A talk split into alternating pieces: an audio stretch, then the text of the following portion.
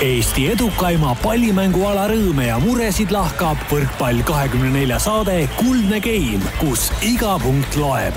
taustajõuna hoiab mängul hoogus ees Kredit kakskümmend neli. Tere ja kaunist neljapäeva, kahe tuhande kahekümnenda aasta kahekümne kolmandat aprilli ütleme kõigile kuulajatele Kuldse Game'i viiekümne kaheksanda osaga olukorrast riigis võiks rääkida neil päevil pikemaltki, ent meie proovime oma saatega hoida inimeste mõtteid ikka ja jälle nädalas vähemalt tunni jagu koroonast eemal ja rääkida oma meelisalast ehk võrkpallist. täna on lisaks Karin Oldole kodukontorites kenasti istet võtnud alalistest liikmetest Rivo Vesik ja Andres Toobal, tervitused. tervist. tere aga tänane saatekülaline on mees, kes kogus oma karjääri jooksul ametlikes mängudes rohkem punkte kui mina, Rivo ja Andres treeningutel ja mängudel kokku oleme kogunud. tere tulemast teist korda meie saatesse, endine Eesti koondisena ja täna Tartus noortetreenerina töötav Argo Meresaar. tervist. no ilus sissejuhatus on tehtud Argole, nii et ma alustuseks võtan veel korra Andrese ja Rivo ette. kõigepealt Rivo, ole hea, räägi, milline on seis täna Venemaa rannavalle koondises. kas alaliidu poolt on siin viimastel päevadel, nädalatel tulnud ka mingisuguseid juhiseid, millal jälle hakatakse koos treenima või kuidas see olukord on? Äh, esimene mai on praegu mingi jutt, et tahetakse ikkagi minna laagrisse Venemaale kuhugile, aga see on, see on nii jutupõhine praegu, et äh, nagu ma siin olen suhelnud poistega ja, ja teiste treeneritega ka, siis äh, olukord läheb järjest hullemaks tegelikult Venemaal, et eelmine nädal pandigi täitsa kohe piirangud peale, nii et üldse välja ei lasta kedagi, et äh, kaks korda nädalas võib põhimõtteliselt väljas käia mm. -hmm. Millal sina arvad siis, äh, milline su enda prognoos on, millal sa näed uuesti kalleid hoolealuseid? noh, kui nüüd kõik need jutud, mis siit minu Eestis on minu kõrvu jõudnud, äh, siis, siis äkki juulis kõige positiivne, kõige nagu selline äh, optimistlikum variant on juulis.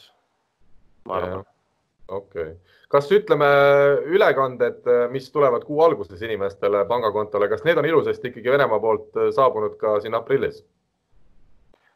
Need ülekanded ei ole Venemaa poolt kunagi ilusasti saabunud Argo ilmselt teab, millest ma räägin, et nad.... mul ülekanded ei tehtud, mul oli kõik sulas siis, siis tuli ilusasti kaks korda aastas. et äh, ei jah, sellest, selle koha pealt ei ole praegu midagi räägitud, et äh, et sealt toimub, toimib kõik normaalselt. no ma ei saa küsimata jätta, kui Argo juba ise võttis äh, sõnasabast kinni, kas tõesti Venemaal ikkagi käis veel natukene teistmoodi siis, kui sina vähemalt seal mängisid, et, et sularaha oli see, oli see vahend, millega see raha toimetati kohale ikkagi? no meil olid lepingud olid dollarites ja, ja oli veel niimoodi jah, et see päevakursiga arvestati rubladeks ja siis käisid äh, härra Šljapnikovi kontoris ja luges sulle laua peale raha ja nii oli. Karl, ma, ma täpsustan siin, et kui, kui sina küsisid, et kas siis käisid teistmoodi, siis ma ütlen, et nüüd käivad teistmoodi, siis käiski nii. nüüd käivad ülekanded, siis käis kõik niimoodi, kõik käis kotiga. ja no mul oli veel niimoodi jah, ma esimene kord tegin, noh, kas vea või veaks ta nagu ei osutunud, aga et ma sain oma esimese palga kätte ja noh, ma tegin ikkagi pangakonto, aga ma sõitsin trolliga linna ja, ja viisin siis raha panka ja kui pärast teised kuulsid sellest, siis ütlesid, et kuule, et ära niimoodi mitte kunagi tee, et, et kas võta takso või võta klubist mingi äh, autojuht ja, ja siis mine panka, et ära enam trolliga mine, kuule, et, et eks seal ka võib-olla info liikus äh, teatud ringkondades ja et jah, ma rohkem ei, trolliga ei viinud raha. aga selle jo. kohta on, selle kohta on üks lugu veel rääkida, kunagi Kaasani seniidi libero kes praegu on Kaasani siis peatreener. Äh, mis ta nüüd nimi on, mul nimi ei tule meelde praegu. jah, Verbov jah. kui ta oli seal libero, siis tema, tema sai palka, saigi kaks korda aastas äh, sularahas ja väidetavalt maksti talle spordikotiga. spordikott oli cash'i täis. Rivo, kas ta spordikoti sai ka pealekauba või selle pidi tagasi viima, kui oli tühjendatud? selle pidi ikka tagasi viima iga kord spordikott, raha oli kõvasti, aga spordikottidega oli tuuga sellel hetkel klubis. Rivo, kuidas sul äh, Oleg ja Vjatšeslav täna trenni teevad, individuaalselt ja ilma pallita või on mingi, midagi välja mõeldud sellist erilisemat ka või? noh, Oleg elab Moskvas korteris, tal on vähe raskem, äh, tema teeb nii palju, kui saab, käib salaja väljas pargis kuskil jooksmas ja hüppamas, aga äh, palli ei tee keegi, seda ei ole võimalik ja Vjatšlav teeb kodus, tal on maja ja, ja suur hoov, et ta on sinna ostnud kokku garaaži kõik jõusaali asjad, mis on vaja. ja seal nad nikerdavad omaette, noh, sama seis umbes nagu Eestis, et ma küsisin Olegi käest ka, et, et vaata, meil Tallinnas on Audenteses, kus saab teha, on ju, olümpiasportlased saavad teha trenni, siis Oleg ütles, et, et neil seal üks Moskva Dünamo manees oli lahti, aga siis äh, peale sportlaste hakkas seal käima ka erinevaid ärimehi, erinevaid mingeid direktoreid, asju. ja siis, kui avastati ükskord, et seal on mingi kaheksal inimesel koroona, siis pandi see ka kinni, et et Moskva, noh, natuke suurem linn kui, kui Eesti, et seal ei saa teha selliseid asju, et kui, kui kõik on kinni, siis on kõik kinni Timo, mulle meeldis see, mis sa ütlesid Olegi kohta, et ta salaja käib jooksmas ja hüppamas seal Moskvas, et äh, ma olen aru saanud, Oleg on ikkagi üks ilmselt Moskva pikemaid elanikke seal kuskil kakssada kümme sentimeetrit. kuidas see salaja värk välja, kujutad sa ette, kuidas see välja näeb? maskeerib ennast põlvili, mina soovitasin Olegile seda, kui ta ütles, et aga ma ei saa, noh, ma käin kaks korda päeva, kaks korda nädalas käin, on ju, jooksmas väljas, nii palju kui lubatud on. siis mina soovitasin talle seda, et sa mine välja ja jookse politsei eest ära lihtsalt kolmas kord ja neljas kord, saad trenni tehtud, kõik on okei okay,, noh. kiire poiss ka. selge.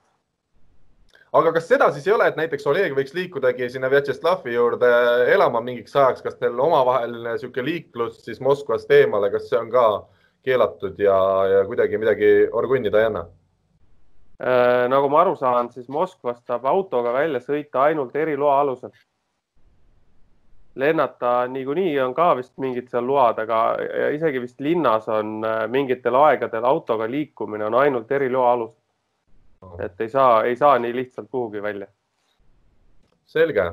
Andres, tuleme sinu juurde ka, kas Tallinna Selveriga uueks aastaks on juba leping, äh, millel siis võrreldes eelmise hooaega on üks-null kindlasti otsa pandud, on juba laual ja, ja alla, alla kirjutatud?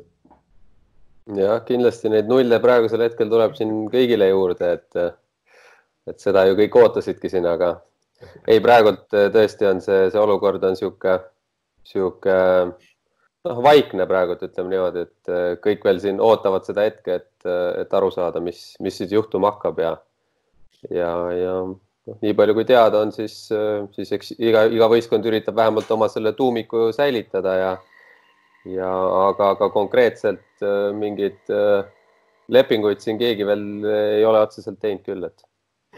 Et sellega peab natuke aega veel ootama. okei okay,, no ütleme siis kuulajatele ka ja vaatajatele, mis meid täna ees ootab saates. kõigepealt me räägime noortetreeneri tööst üleüldiselt ja ka tänases keerulises seisus. siis muidugi küsimusmäng, seejärel räägime diagonaalründaja positsioonist nii Eestis kui ka jälle laiemalt ja saate lõpetuseks ootab meie häid äh, tänaseid liikmeid siin ees ka väike mälumäng nimega Muduvillak, aga see juba kõik siis tuleb aja jooksul. Argo, ütle esmalt, kuivõrd keeruline on tänasel päeval ühel täiskohaga ikkagi noortetreenerina töötaval inimesel äh, hakkama saada oma asjadega ja milline see elu välja näeb? no ma ei tea, ei ole nagu keeruline, et äh, no praegusel hetkel ongi niisugune olukord, nagu ta on kõigil siin, et äh, tuleb ise nagu leidlik olla ja, ja noh, ma esialgu tegingi oma, oma lastele tegelikult neid äh, koduseid trennivideosid, siis nad natuke läksid laiali. siis äh, lastele on la välja saadetud ka treeningkavad nii-öelda nii paberi peal, mille järgi nad võiksid harjutada, aga mulle tundub, et äh, noh, kavade järgi harjutamine on praegu niisugune keeruline teema, eriti laste puhul, et kus nad peavad neid oma e-kooli tegema ja miljon asja on teha ja ja, ja pigem mulle tundub, et suured teevad ise, ma nagu usaldan oma suuri ja ma olen nendega suhelnud siin, et kavade järgi nad väga palju ei tee, aga käivad jooksmas ja ratast sõitmas ja, ja teevad kodus oma harjutusi. aga väiksematega ma olen nüüd järjest rohkem äh, teinud ka niisuguseid videotrenne, et vähemalt äh, paar korda nädalas nüüd. et äh, meil on kavad ees ja teatud ringtrenne ja niisuguseid asju oleme, oleme kõik koos teinud, et seal on niisugune noh, pluss-miinus niisugune kakskümmend kutti kohal olnud ja on väga, on väga lahe olnud nii et kõik panevad video käima ja, ja seal kaamera ees teevad harjutusi sinu järgi? no see Zoomi keskkond on, seal ongi tasuta saab kuni vist nelikümmend minutit teha, et selle aja sisse me oleme ära mahtunud ja sihuke lühikesed ja löövad trennid on olnud jah, et ise ka natukene, ise oled, noh, näed seal seda pilti teinekord, siis ise oled kõige rohkem seal hapniku võlas tavaliselt, et poistel ei ole väga hullu olnud. kas sa salvestad ka neid videoid või?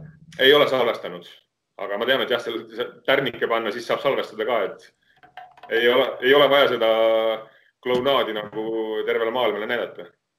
ma ütlen, mulle vahepeal helistas tagasi Alar Rikberg, ma enne saadet mõtlesin temaga natuke nõu pidada siin diagonaalründajate teemal, aga näed, nii nagu ikka, helistatakse tagasi siis, kui on kõige, kõige kehvem aeg, aga ma ei hakka Alari äh, kõnet praegu vastu võtma, tervitame teda siin, kui ta peaks hiljem kuulama meid. aga ütleme, kas tänasel päeval ikkagi, mil see kriis on kestnud juba ütleme üle kuu aja, ikkagi lapsevanemad veel maksavad äh, neid treeni, treeningmakse kenasti või on siin ikkagi juba üha rohkem neid, kes ütlevad, et lapsed teevad iseseisvalt ja, ja soovitakse loobuda sellest? no ma mingil hetkel äh, suhtlesin seal kontori poolega ka ja siis äh, ma ei mäleta seda kuupäeva, aga noh, siis öeldigi, et, et kuuskümmend, seitsekümmend protsenti maksnud, noh, seda maksu on küll natukene allapoole lastud. ja siis ma küsisin ka, et kas see on nagu hea näitaja või halb näitaja ja siis öeldigi, et, et äh, ka nii-öelda tavalisel hooaja, hooaja kestel umbes sellisel kuupäeval umbes selline nagu maks, noh, maksjate hulk ongi mm. -hmm. et äh, kui palju seal lõpuks nüüd kokku tuleb, kas jätab keegi maksmata, et mul praegu andmed puuduvad, aga aga noh, natuke lasti seda, natuke lasti trennitasusid allapoole, aga tundub, et, et vanemad on ikkagi kuulda võtnud seda, et ja noh, ma ise olen ka, siin oli paar artiklit, noh, esialgu tulid artiklid, et lapsevanemad aidake treenereid, et nüüd äh, tulid ka vastused, ma ei mäleta, kas Postimehes äkki olid, et, et treenerid aidake ka lapsevanemaid, et no ma ise olen ka sellest nagu kinni võtnud natukene, et et ega need lapsed väga ei taha seal nende nii-öelda paberkandjatel kavade järgi teha, et tuleb ikkagi ise ka nagu aktiivne olla ja täpselt äh, lastega kontakti hoida ja video, noh, seal nii-öelda video, videosilla kaudu ja, ja enne seda natukene võib-olla küsida, et noh, ma ei tea, kuidas läheb ja kas oled ise midagi teinud ja ma ei tea, küsida õdede-vendade kohta, et, et natukene aktiivsemalt ise ka suhelda nendega. et noh, peavad treenerid ka natukene, natuke teistmoodi asjale lähenema, et, et seda kontakti hoida ja et lastel, lastel huvi säiliks no sa juba mainisid ruumkeskkonda, kus tänasel päeval saab üsna palju neid äh, lahendusi siis äh, videokõnede näol ära teha. aga kas ütleme täna ikkagi treener on ka juba selline, kellel peab olema Facebook, kes peab olema seal loonud erinevad grupid Facebookis, kus siis see suhtlus kogu aeg käib või, või oled sina vanakooli mehena ikkagi kerid neid numbreid seal lauatelefonil, helistad ükshaaval äh, lastele? Äh, no mul on, mul on nii Facebooki grupid kui äh, meil klubis üldisemalt on äh, see Sportlaiseri süsteem, et kui mul on kellelegi vaja mingit teadet edasi saata, et kas siis sõnumiga või emailiga, siis seal on ka noh, treeninggruppidel on ära jagat, jagatud, paned linnukese ette ja läks, läks teele, et, et suht-koht mugavaks tegelikult on tehtud mm. -hmm. aga Facebook noh, vahest panen sinna pildikesi ka, aga tegelikult on üsna vajalik abimees nii-öelda suhtluses ka jah, et kui mingi info on, läheb kohe üles sinna ja ja, ja kui need suhtluskanaleid rohkem on, ongi siis Facebook ja sõnumid ja emailid, et mida rohkem neid teele läheb, seda parem on, et. kas sa oled mingi? ei, ei, ei, nagu piisa tavaliselt jah, ühest. kas sa oled mingit tendentsi ka märganud, et ütleme nüüd karantiini ajal ongi lapsed hakanud näiteks rohkem liikuma, kuna neil on paratamatult rohkem aega, et tegelikult tehakse hoopis sporti rohkem või sa, ütleme, seda ei ole täheldanud? no ütleme, et lastega on kontakti raskem saada, aga kui palju nad lõpuks seda sporti teevad ähm,. noh, tegelikult ma olen, ma ei saa öelda, et ma pettunud olen, aga ma ootasin tegelikult, et seda tagasisidet tuleb rohkem tegelikult.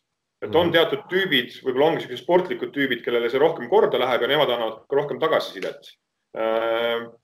ütlen, et noh, need suuremad, suuremad kutid, ma usun, et nad teevad, et äh, siin karantiini esimestel päevadel nimesid ei nimeta, aga ilmad olid soodsad ja käidi ka kaks kahe vastu rannavallet mängimas et äh, ma ei tea, kas, kas neil olid kindad käes või ei olnud kindad käes, aga, aga siis, kui äh, rohkem veel nii-öelda sõnad peale loeti ja see karantiin nagu hullemaks läks, et äh, siis nad lõpetasid selle ära. aga et noh, eks nad käivad ikka, ma arvan, jah.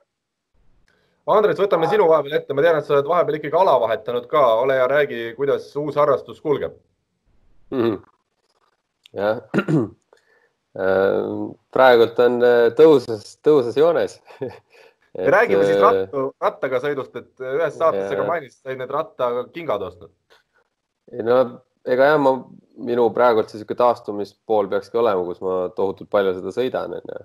Et aga muidu oli hea ju jõusaalis käia, võtsid ratta selga, sõitsid tunnikese ja siis hakkasid muid harjutusi tegema, et, et praegult on oluliselt keerulisem see, et kuidas sättida ja mis ilm väljas on ja nii edasi, et noh, täna nüüd on ilma pidanud ja, ja vennarahas andis mulle enda, enda kalli ratta ka, siis nüüd siis uhan sellega nii palju kui võimalik, et, aga ei päris, Germo, ta ikka vahepeal juba käis, käis kuskil võistlustel ka, nii et, et ta tegi vahepeal seda natuke tõsisemalt ka, aga, aga ei, päris äge on jah, et teistmoodi saab omi mõtteid mõelda ja, ja ei ole kedagi segamas sind, et, et jõusaalis ikka vahid ringi ja keegi tuleb juttu ajama, aga siis et selles mõttes jah, päris, päris mõnus on ja ilmad on ilusad olnud, praegult on okei okay,, et ma juba muidugi vahepeal, kui tuul, tuul kõvasti puhub, siis, siis ma mõtlen küll, et kas järgmine kord tasub, tasub seda ringi teha, et kuskil metsa vahele rohkem hoidma või et suurte teede peal on ikkagi päris keeruline, aga, aga noh, eile kakskümmend viis, täna, täna viiskümmend, vaatame, mis homme siis tuleb, et. kas me räägime, Andres, keskmisest kiirusest, et eile oli kakskümmend viis ja täna juba viiskümmend või on see ikkagi kilometraaž? keskmine kiirus on mõlemad korrad olnud äh, kakskümmend viis kilomeetrit tunnis kuskil sealkandis. Minul on nii, et kui me, mina teen üldiselt Mustamäelt, sõidan sinna Vääna-Jõesuu kanti Tabasalu poole, ühesõnaga, et kui ma lähen, siis on alati vastutuul millegipärast, see tuul on sealt nii, et noh, siis on niisugune kiirus, et hea, kui püsid püsti ratta peale, tagasi tuled, siis on selline mõnus taganttuul ja, ja liigud nagu noor jumal. No praegult tundus niimoodi, et kui läksin, ma tegin niisuguse tori tiiru, et siit äh, Pärnust Tori, Torisse, siis sealt Rakvere maanteed pidi tagasi, et siis tundus nagu, et äh, läksid, oli tuul vastu ja tulid, oli tuul vastu, et äh, no nagu alati aga ei, selles mõttes, et see on puhtalt praegu niisugune taastumise asi, et, et see põlv, põlv saaks natuke liikuda, et ega muidu siin toas istudes või, või muid asju tehes jääb, jääb ta lihtsalt selliseks, et võid kõndida, aga midagi muud ei, muud ei tahaks teha. Rivo, kuidas sinu sportlik äh, vorm hetkel on? sportlik vorm on äh, läheb langevas joones vastupidavalt, vastupidiselt Andresele. Et äh, ma siin ikkagi eelmine laupäev sain vist päris kõvasti külma väljas, et käisin hommikul jooksmas ja nüüd on nädal aega on äh, nohu piinanud, aga aga oma mingi viis kiltsa jooksu ja sada kätekat ma üritan ikka iga päev ära teha, et äh, aga rohkem, rohkem kahjuks äh, praegu motivatsiooni ei ole. ühesõnaga. aga muidu on okei okay muidu on okei okay., bensiini hind on sama ja, ja, ja muidu on okei okay. No aga pole kuhugi sõita ka, mis sa langetad seda bensiini hinda, niikuinii inimestel pole kuhugi sõita. seda küll, jah. küsi parem, mis, mis trenni Argo teeb, ma siis, kui Tartus vahepeal seal väike taastumisperiood oli, siis, siis Argo rääkis, et ta ikka kavatseb suveks vormi saada, oled saanud ka või? kehakaal on samaks jäänud, aga need suhted on lihased, lihas versus rasv on suhted paigast ära läinud, et aga kehakaal on sama enam-vähem jah. Ahah, selge, millega ja siis see, ja seegi. Argo, millega sa tegeled, ongi kodused tegevused ja, ja ütleme lastega niikuinii pead ilmselt seal tegelema, et see hoiab ennast ka vormis? no ma olen jah siin äh, kõik ametid, mis lasteaedades ja koolides on, eks ma need siin kodus olen ja, ja lisaks natukene trenni ja, ja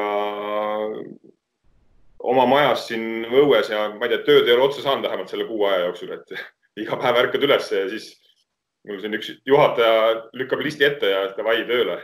et labi, labidas ja reha ei puhka hetkekski tööde juhataja on, ma saan aru, kodune väga hea selge, äh, tuleme sinu nende treeninggruppide juurde, mis vanuseklassis äh, õpilasi sa tänasel päeval treenid siis, Argo? no mul on õpilasi, ma ei tea, kaheksa kuni kaheksateist, kogu, kogu spekter alt üles välja, jah. Ütle päris ausalt, kellega kõige huvitavam tööd on teha, kas on ka selline mingi grupp, kellega sa kõige rohkem ootad neid trenne? Äh, no kuna mul oma poiss on nüüd kümneaastane, siis äh, paratamatult ma kõige rohkem nagu noh, tahtmatult hoian nagu nendel silma peal ja ja, ja kuna mul Mattiase grupp on nii-öelda esimene grupp, kellega ma ise olen päris nullist alustanud, siis eh, noh, ma arvan, et nad on kõige rohkem nagu omad. et mm -hmm. ülespoole, ma noh, ma ei saa öelda, kõik on nagu oma trenni lapsed ikkagi, aga, aga mõni on ikkagi rohkem oma kui teised, et, et nendega, nende käekäik huvitab mind kindlasti kõige rohkem. kelle kõige keerulisem on, mis see vanuseklass on, kellega ikka kõige rohkem tuleb tegeleda ja, ja on raske? mida, mida väiksemad, mida väiksemad, seda keerulisem, nii uskumatu kui see ei ole kui suurematega on ikka tunduvalt lihtsam teha. et väiksematega pead sa, pead sa kõige, kõige muuga tegelema ja lisaks siis võrkpalli veel õpetama, et. Rivo. kas äh, on, Argo, sama asi, ma olen kunagi ka andnud väikestele trenni, et äh, et kõige raskem, minu jaoks kõige raskem nende pisikeste põnnides, jube vägev nendega trenni teha. aga minu jaoks kõige raskem oli see, et see, ütleme, tähelepanu või siis ühe, ühe koha peale tähelepanu suunamise võim, võime nendel väikstel on umbes kaks sekundit mm. -hmm.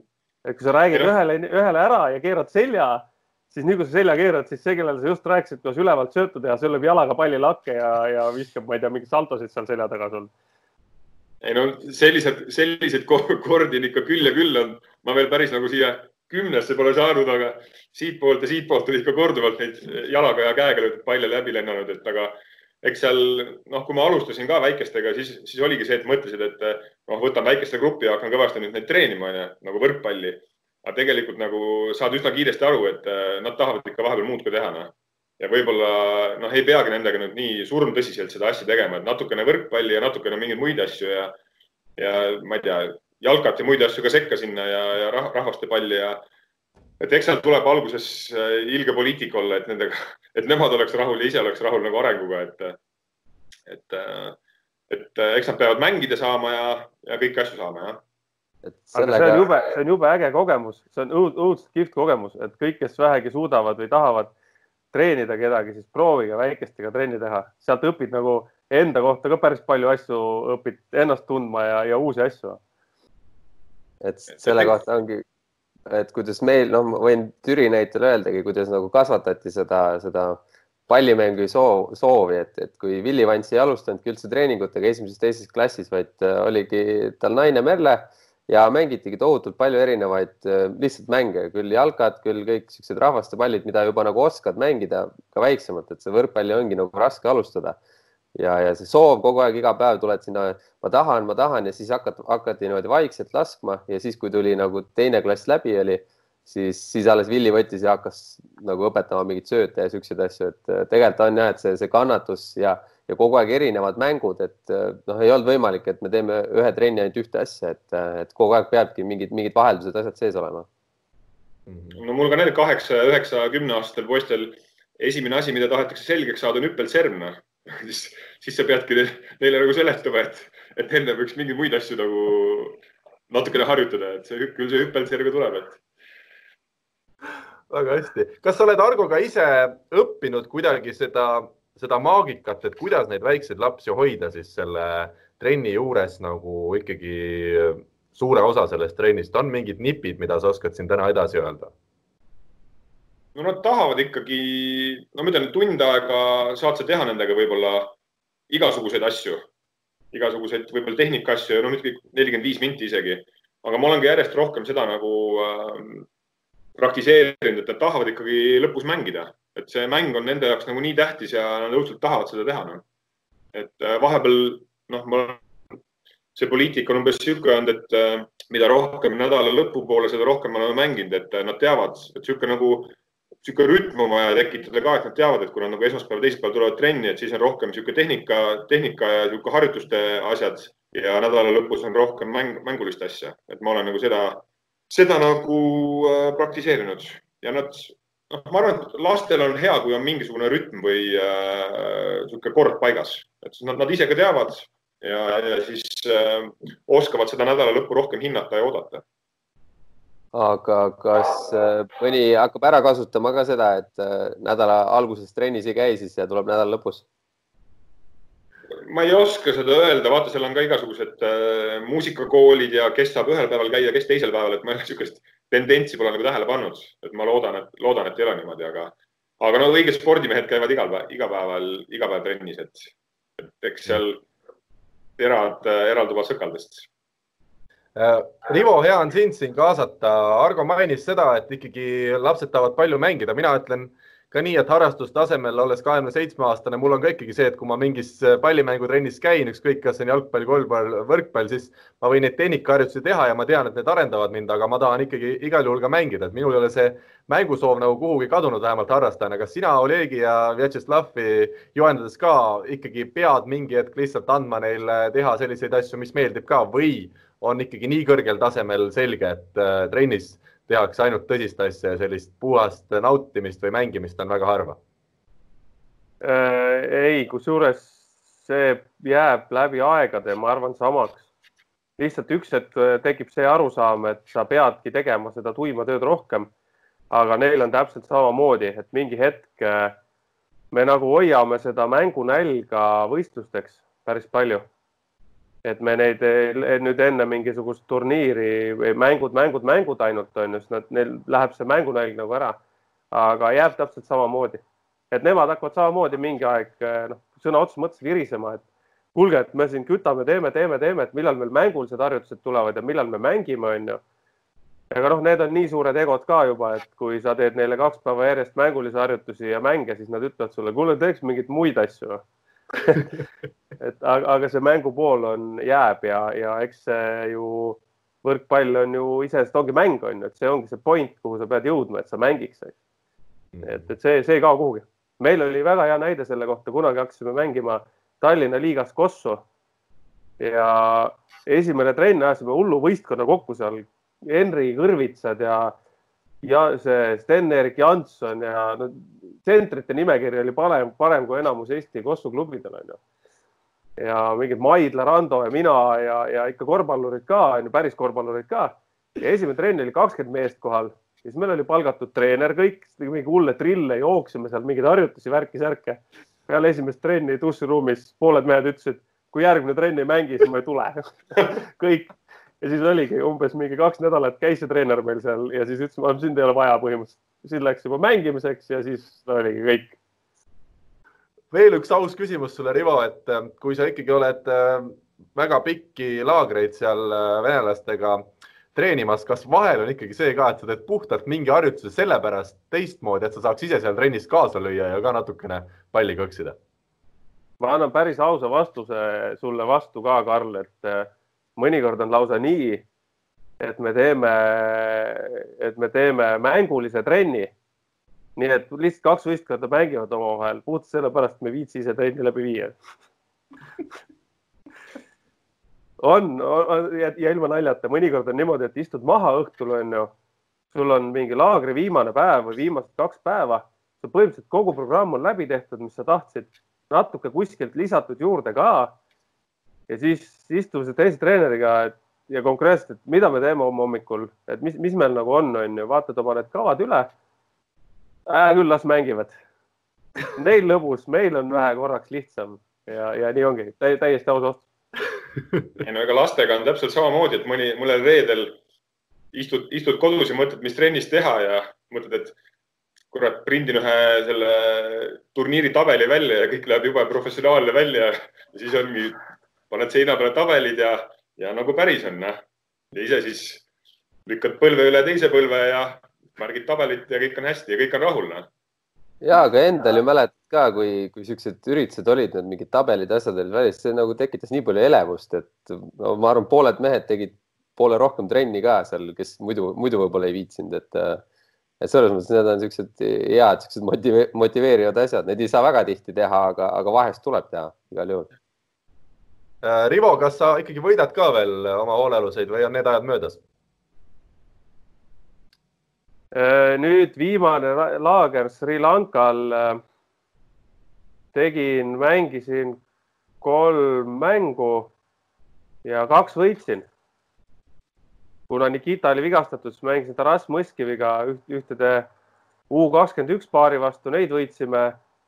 siis võitsime sakslasi ja kaotasime siis äh, Venemaa neljandale paarile mm. -hmm. aga mul on võidud tulevad minu, Argo, mis suvel teed? Lähme teeme Eesti selle rannavalle tuuri kaasa. mul on, Kristjan Kais ka kutsus vist eelmine aasta või üle-eelmine aasta see aasta tundub, et tuleb põnev, tuleb põnev rannavalle tuur, kui, kui lastakse mängima, et äh, kellelgi ei ole midagi teha, et kõik ajavad vormi ennast hirmsat moodi Argo, kui me sinu hoolealustest räägime, siis ikkagi kõige tuntum nimi vist tänasel päeval, olgugi et sa oled äh, väga lühikest aega treener olnud, äh, ütleme siis suures plaanis, on Alex Saaremaa, kes on meil juba siin valitud sümboolsesse hooaja koosseisu viinud tartlased Eesti karikavõitjaks. Alex on siis täna üheksateist aastane. kaua sina teda juhendasid? ma sain vist olla ta treener kas kaks või kolm aastat ja lisaks on siis praegusest Bigbankast on ka Eesti üks parimaid diagonaale, Hergo Hansmann on minu käe alt tulnud mm. -hmm kuidas, kas ütleme, see pikkus tulebki treeneriga koos kuidagi kaasas, et, et Alex on ka pikk mees, et see kuidagi te venitasite seal üksteist või, või kuidas või on see loomu poolest? ei no tal on, tal on isaga suht pikk, äh, pikk mees jah, et äh, eks ta äh, iga järgnev generatsioon, ma ei tea, palju see, mitu sentimeetrit pidi pikem olema, aga noh, ta on veel rohkem visanud, et tal isa on ka kuskil kahe meetri juurde, aga ta ise on vist mingi kaks null kaheksa jah mm. -hmm. aga ei, no eks selle Aleksiga oli ka täpselt samamoodi nagu siin, ma ei tea, Andrei Aganitsaga, kui ma esimest korda teda Audenteses nägin, et äh, vaatasin ka, et no kurat, et, et siit ei tule nagu midagi, noh, pehmelt öeldes onju. et eks Alex oli ka natukene hilisema, hilisema arenguga ja eks me, tal iseloom on ka niisugune, et eks sai neid piike murtud, aga, aga noh, kuidas ma ütlen, enda enda kiituseks ma pean ütlema, et ega, ega see ora seal äh, Alex Saaremaa tagumikus kordagi maha ei jahtunud, et äh, no puhtalt sellepärast, et ega selliseid, selliseid kujusid väga tihti Eesti võrkpalli või ütleme, sporti ei, ei satu ja, ja, ja sellepärast ma olin tal ikkagi kogu aeg kukil ka. et -hmm. äh, eks ta niisuguse veel suurema areng, arenguhüppe tegi seal äh, meeste juures nüüd, noh, kuna lihtsalt trennid on nii palju kvaliteetsemad, tehakse rohkem trenni ja, ja mängud on kvaliteetsemad, et äh, aga aga omal ajal äh, siis, kui ta minu juures oli, et ma, mul nagu midagi kripeldama ei jää, et, et ma oleks tal lasknud kuidagi luuslanki lüüa või et eks meil niisuguseid sõnavahetusi asju oli päris palju ja ma arvan, et Alex mäletab seda, aga, aga ma loodan või arvan, et pigem jäävadki meelde need treenerid õpet, õpetajad, kes, kes nagu on, on nõudlikud ja, ja, ja kui need, kes lihtsalt lasevad nagu läbi libiseda, et. mul on Aleksiga ka kohe, kohe hea, kui esimest korda nii-öelda kohtusime, ma olin noh, sihuke äh, abistavas rollis koondise juures, et natukene ise, kuni õiged mehed tulevad, onju ja ja, ja natuke aitasin trenni kaasa teha, nii palju kui jalg lasi ja, ja, ja siis aitasin hiljem nagu noortega tegeleda seal, siis, siis äh, Alex tuli ka esimesse trenni ja, ja lasti kohe siis Viiberiga, et ründama, et noh, tee mingi sealt, ma ei tea, pool tunnikest. see oli korralik tsirkus seal, kui, kui, kui ta tellima hakkas, et pane mulle pall siiapoole ja siiapoole ja, ja siis, kui Gianni ta peale nagu vihastas ja seal asju saatis pakkima enam-vähem, siis pärast, kui see trenn nagu läbi sai kuidagi mõistlikult, siis, siis Alex istus seal ja siis ütles, kurat, ma ei teadnud, et ta nii karm on et, et minule on ta jäänud täpselt sellisena, et, et tuli täiesti siukse uustulnukana ja, ja kohe hakkas tellima, et mul on vaja palli siiapoole, siiapoole, siis siis, aga selles mõttes oli näha, et nüüd on, nüüd see asi on nagu ikkagi tunduvalt muutunud, et aga, aga siis, ma kujutan ette, kujutan ette, Argo, mis sa, mis sa võisid tunda seal? No siis, kui Alex esimest korda selle nii-öelda B-koondisega laagrisse läks, siis tegelikult ta küsis minu käest ka, et, et kas ma peaksin minema ja, ja noh, ta, eks ta konsulteeris veel seal ja mina sel hetkel tegelikult tundsin, et, et kurat, veel ei ole aeg küps. aga ta võttis, noh, konsulteeris teiste inimestega ja võttis ise otsuse vastu ja, ja nii palju nagu mune oli, et, et läks kohale ja, ja noh, võib-olla oli lõppkokkuvõttes hea, et, et läks ja sai, sai oma vitsad ja siuksed asjad kätte ja nägi, mis, mis tegelikult toimub, noh, et võib-olla sealt Gianniga esimest korda kokku puutudes sai, läks ka nii, nii mõnigi kruvi nagu paika jälle, et mõnes mõttes oli kindlasti hea, hea kogemus talle. Ja et seda enam, kui ta selle otsuse nagu võttis ise vastu, mitte et keegi nagu väga nagu teda oleks push inud, et mine, mine, mine, et, et võib-olla siis oleks asi natuke teistmoodi, aga kui ta ise selle otsuse vastu võttis, siis, siis ma arvan, et see, see oli nagu õige, et, et seal tulebki vahest need vitsad kätte saada, mitte, mitte selle pealt, et keegi, keegi surub kuhugile, et nüüd mine ja, ja proovi, et, et selles ma arvan ka, et väga õige asi, et ta seal ära käis. et selles mõttes on ta, noh, räägi Rivo ja räägi, räägi ära, Argo. et selles mõttes on ta nagu vahva sell, et, et ta on endale seadnud kõrged eesmärgid.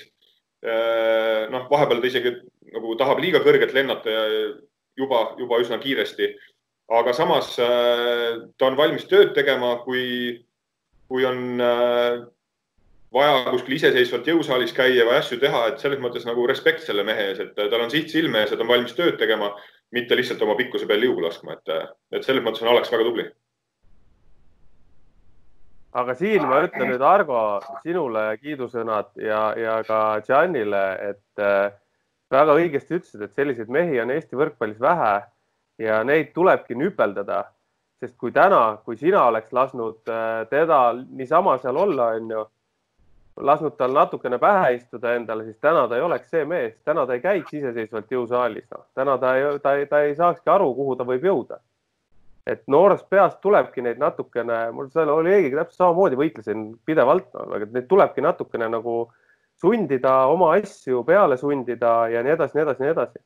sest Argo Meresaar kindlasti mäletab väga hästi Andres ja Karl võib-olla mitte, aga Argo mäletab kindlasti väga hästi, mis toimus ESS Pärnu võrkpalliklubi trennis Nõmsalu ja Ojametsa Andrei vahel.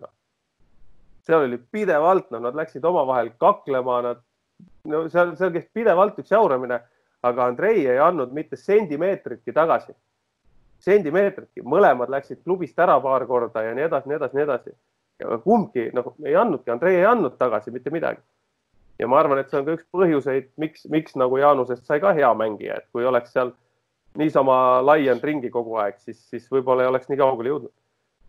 ja neid Aga mängijaid, ma ütlen, neid mängijaid tuleb, neid on ja neid tuleb veel, peaasi, et oleks treenerid, kes julgevad neile nagu vastu astuda.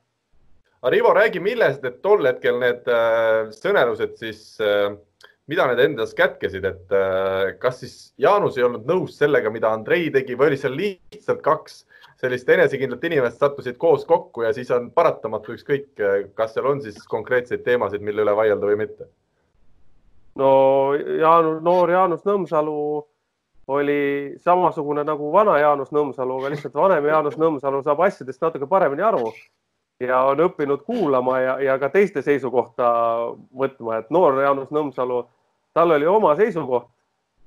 ja, ja nii oli et oli kas tema moodi või, või ei olnud, et äh, ja eks need sealt, Andrei ka üsna niisuguse kõva iseloomuga mees, et eks need sealt need, need äh, põrkumised tulid ja, ja mida ta endast kätkes, kätkes hästi palju roppusi, hästi palju nii venekeelseid kui eestikeelseid, erinevaid. ja noh, et, et ma ütlen, et äh, kaks, kaks kõva kivi sattusid kokku, aga, aga sellel hetkel võib-olla oligi see, et et noh, Jaanus Nõmsalu, Janni oli nii palju hoitud kuna ta oli talendikas ja ta oli väga väärtuslik mängija Eesti võrkpallile, noh seda teavad kõik. ja, ja, ja siis ta võib-olla oli natuke harjunud, et Oleg äh, vähekene hoidis teda, tema see esimene treener, et äh, võib-olla oli natuke harjunud, et tema sõna loeb, seal noorteklassis luges ka Jaanus sõna päris palju. aga mm., aga meesteklassis on, on ikkagi teistmoodi, et, äh, et noh, nii oli, aga, aga väga põnevad ajad olid. kõrvalt oli väga naljakas vaadata seda kõike Argo, küsin nüüd äh, seoses Aleksiga sinu käest, kas see, et ta tänavusel hooajal ikkagi nii hästi meeste seas hakkama sai, võtame kasvõi selle karikafinaali ette, kus muidugi Gerdil oli ka oma tähtis roll, et, et Aleksile nii palju neid tõsteid jagas. kas sinu jaoks oli üllatav, et Aleks nii hästi mängis sel hooajal äh,? kas oli üllatav, see oli meeldiv üllatus ausalt öeldes, et äh, äh no ma arvan, et jah, oligi, ma arvan, et Gerdil on väga suur roll selles suhtes just, et, et ta oskas nagu need õiged, õiged momendid üles leida, et ta, ta ju hoidis ka Aleksit, vahepeal hoidis, ma ei tea, terve game'i kuival, siis järsku hakkas, ma ei tea, pani kaheksa tükki järjest sinna, mil, ma ei tea, kaheksast seitse ära lõi, et, et see oli nagu lahe, noh. ja no Aleks sai oma võimaluse tänu sellele, et äh, kellel vigastus oli appi Tanilal. Tanilal oli ju noh, kõigepealt vist oli hüpekas, siis oli põlv ja oli vastupidi onju. Et Tanil oli ju pikalt väljas ja Alex sai oma võimaluse ja kasutas selle nagu sada üks protsenti ära. et äh, kui sa saad mängida, sind usaldatakse. ma arvan, et ka Andrei luges natukene seal äh, võib-olla Raidule ja ma ei tea, võib-olla Gerdile isegi sõnad peale, et, et kui midagi vaja öelda on, et, et natukene nagu tagasi tõmmata selle Alexi suhtes, et kui midagi öelda vaja on, et siis ütleb Andrei ise. et ma arvan, et see, see õhkkond läks ka natuke rahulikumaks Aleksi jaoks seal ja, ja sai enesekindlust ja, ja siukse emotsio, emotsionaalse mängijana, ma ei tea, ma arvan, et lõpus hakkas juba ise küsima ja tahtma ja et äh, see plokiosakond ja plokikäed on tal nagu alati äh, suht, suht nagu äh, see liigutus on väga hea tal on tegelikult. pluss sinna pikkus juurde, et noh, et eks see mängu lugemine tuleb, tuleb ajaga, aga, aga tegelikult tal on ka nagu võrkpalli mõttes midagi antud, just see ploki, plokiosakonnast et noh, rünnak on tal niisugune, nagu ta on, et ta vahepeal kaapab ja ega ta ise ka tegelikult teinekord ei tea, kuhu see löök läheb, läheb, aga need kõrgused on noh, mitte teine korrus, vaid teinekord kolmas korrus, et sealt on päris raske püüda teda. ma tahtsingi küsida, et äh, mis on see element või need elemendid või need mänguomadused, mis tal on täna siis veel kõige kaugemal, ütleme tipptempo ründajast, oskad sa, Argo, midagi välja tuua, mis ta kindlasti, mille kallal peab veel väga palju vaeva nägema? Äh, no nagu ikka, kui tal serv tuleb välja, siis tal on väga hea serv, aga tegelikult äh, juba siis, kui ta noorteklassis oli, siis mulle tegelikult tema see servi, see tehnika ei meeldi absoluutselt, noh, et see natukene nagu kui, kui ta peaks Itaaliasse minema, siis seal ühtegi teist äh, sellise servitehnikaga mängijat ei leia nagu, et kes lööb, noh, piltlikult öeldes mitte ei lase seda palli nagu allapoole kukkuda, vaid äh, lööb nii-öelda tõusvat palli. et äh, tegelikult ta saaks seda palli veel palju, palju tugevamalt ja nagu ülevalt alla lüüa. Et eks tal neid tehnilisi vajakajäämisi on, noh, see, mismoodi tal see käsi liigub seal ja eks tal neid konarusi on, aga noh, ütleme noorteklassis võib-olla tegemata või noh, tegemata töö või tähelepanuta jätmine on need äh, liigutused talle nii sisse jätnud juba, et on jube raske neid asju välja uurida sealt. et eks neid asju on, aga võib-olla noh, niisugune omapära võib-olla tuleb kasuks ka talle, kes, kes seda teab. Minu küsimus, kuidas nüüd sellist noort meest hoida kahe jalaga maa peal järgmised aastad ka, et seda töötahet ja kõike jätkuks, äh, on, äh, on seda ka mõeldud ja, ja arutatud? no eks need jalakesed tahavad vaikselt sealt maakülast juba lahti tulla, aga, aga selle, sellest sa pead rääkima juba siin klubi juhtidega ja, ja teiste inimestega, et noh et äh, eks tal ongi kõige suurem, nagu ma ennem ütlesin ka, et probleem on selles, et ta tahab nagu liiga pikkasid samme võtta oma arengus või nagu noh. Aga Ardo tahab pikad jalad ka, tal on pikad jalad ka. tal on pikad jalad ja suur jalanumber ka jah, aga, aga siiski need asjad peaks käima nagu step by step mm. -hmm. Andres, sinu hinnang äh, Alexile? ma ootan ära, Rivol on näpp püsti ammu juba, et Aa. las ta räägib ära Karl, sa ei näe üldse, mul pääsis ära näpp mul on siin, kus sinu näpp on, on mul Wordi fail, kus mul on teemad kirjas ma ei näinud, ma pidin liigutama eest ära. ma tahaks küsida, ma tahaks seda küsida Argo käest, et aga, aga see servi asi, noh, ma olen täpselt sama asja vaadanud, miks, miks keegi ei tegele sellega? see on, see on neli kuud normaalset tööd peale trenni ja, ja see muutub üsna kiiresti, tema vanuses kindlasti. Et noh, mina, mina tegelesin noorteklassis temaga, nüüd ta on äh, kaks aastat meestega olnud, et noh, ma ei tea, kui palju Andrei või Alari on seda sellega tegelenud, et noh, võib-olla see serv tegelikult on iseenesest nagu päris ohtlik tal, ma ei ütle midagi, aga noh, minu arvates nagu saaks paremini ja võib-olla niisugust eh, stabiilsust veel juurde, aga noh he, hetkel see, ma, ma tõesti proovisin, Tivo, ausalt. aga nüüd, nüüd on kaks aastat mööda läinud jah, et, et, et kas ta ise tahab seda teha või treenerid või treenerid, kas tahavad teha, see on nagu eh, küsimus läheb sinna jah, ütleme Andreile ja Alarile võib-olla ja, aga see on ju selles suhtes arusaadav asi, et äh, sa ütlesid, Argo, väga õigesti, et kui ta, kui ta tahab kuskile välismaale minna nagu suurde liigasse, et seal vaadatakse kõik need asjad üle. Kõik, kõik, et kas tal on, tal, ta võib olla superründaja ja normaalne plokimees, aga kui tal on nõrk serv Venemaa liigas, teda lihtsalt ei võeta. tema asemele võetakse mees, kes suudab teha kõiki kolme asja. et äh, tema vanuses täna tegelikult seda servi panna ma, ma ei usu, et see väga raske on, see lihtsalt nõuab lisatööd tema poolt ja treenerite poolt ja noh, mina, mina näiteks nii palju, kui ma teda mängimas olen näinud, siis minul esimese asjana silma, et ta on ülesvise on ülist ebastabiilne. Tema palli ülesvise kõigub nii palju, et ja, ja see palli ülesviset treenida on, on ka üsna lihtne, et et ma ütlen selle mehe puhul küll, et kui talle sinna veel niisuguse servi, kas hüppelservi või väga noh, sellise planeeriva, nagu ta tegelikult suudab lüüa, kui ta suudab stabiilselt, see oleks väga ohtlik mängija väga-väga ohtlik. Eesti liigas ei oleks tal midagi teha enam, kindlasti kohe. üks asi võib-olla, mis, mis ma ei tea, Argo võib-olla teab natuke rohkem, palju ta üldse nii-öelda profina tegi, kas ta käis koolis ka kuskil?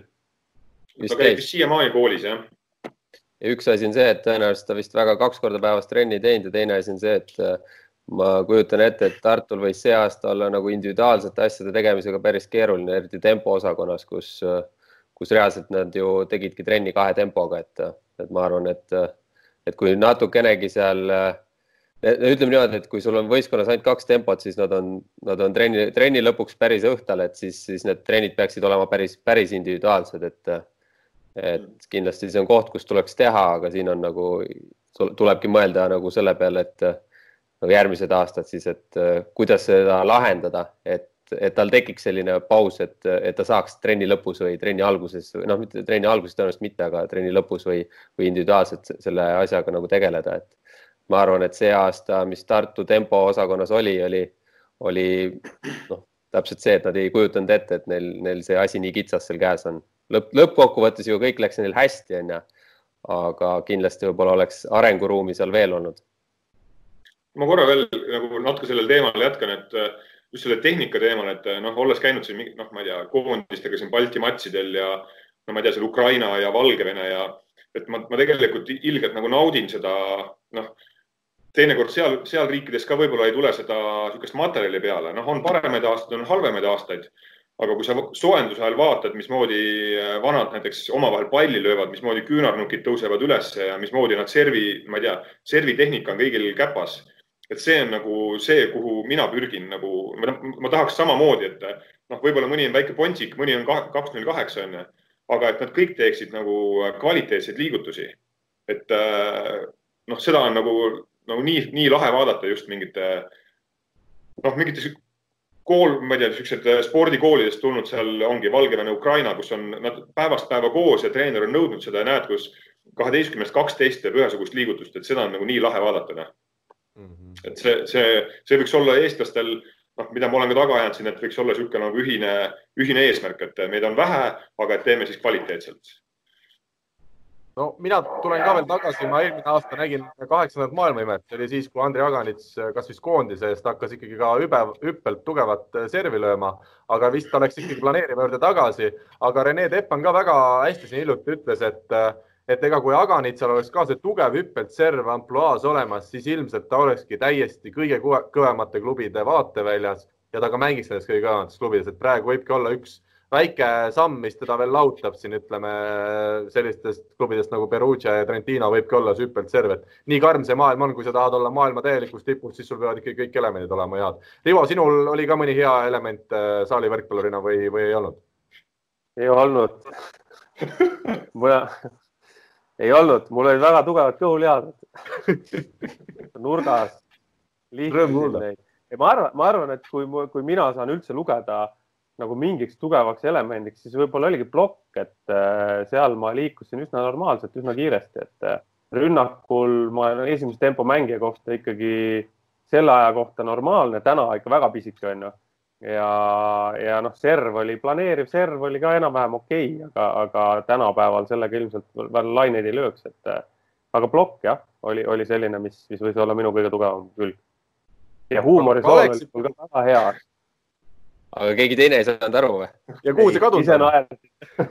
Kogu aeg ise naersin. Jah, selge, aga minu arust, mis on noor, noormängijate puhul ise siin võrkpalli üha enam mängides, mulle tundub, et see ploki liikumine temporündajal on ju meeletult raske element, mis tulebki aastatega, et kas Alex on seal siis juba suutnud sellise enam-vähem taseme leida, et ta teab, kuhu joosta. ja, ja Andres juba vaatab mulle otsa, et, et siin on teatud kahtlused, kas üleval ei, plokk on hea, et selles mõttes, ega see, see tuleb nagu igal juhul, see mängu lugemine osadel tuleb niisama, osadel tuleb nagu mingi kogemusega onju et selge on see, et, et mingi hetk, et võib-olla teeb väga õigeid valikuid, on ju, samas ma arvan, et päris palju tundub, et ta teeb ka vahepeal niimoodi, et kui on öeldud, et tee nii, siis, siis ta nagu võib-olla teeb, teeb midagi vastupidist ka.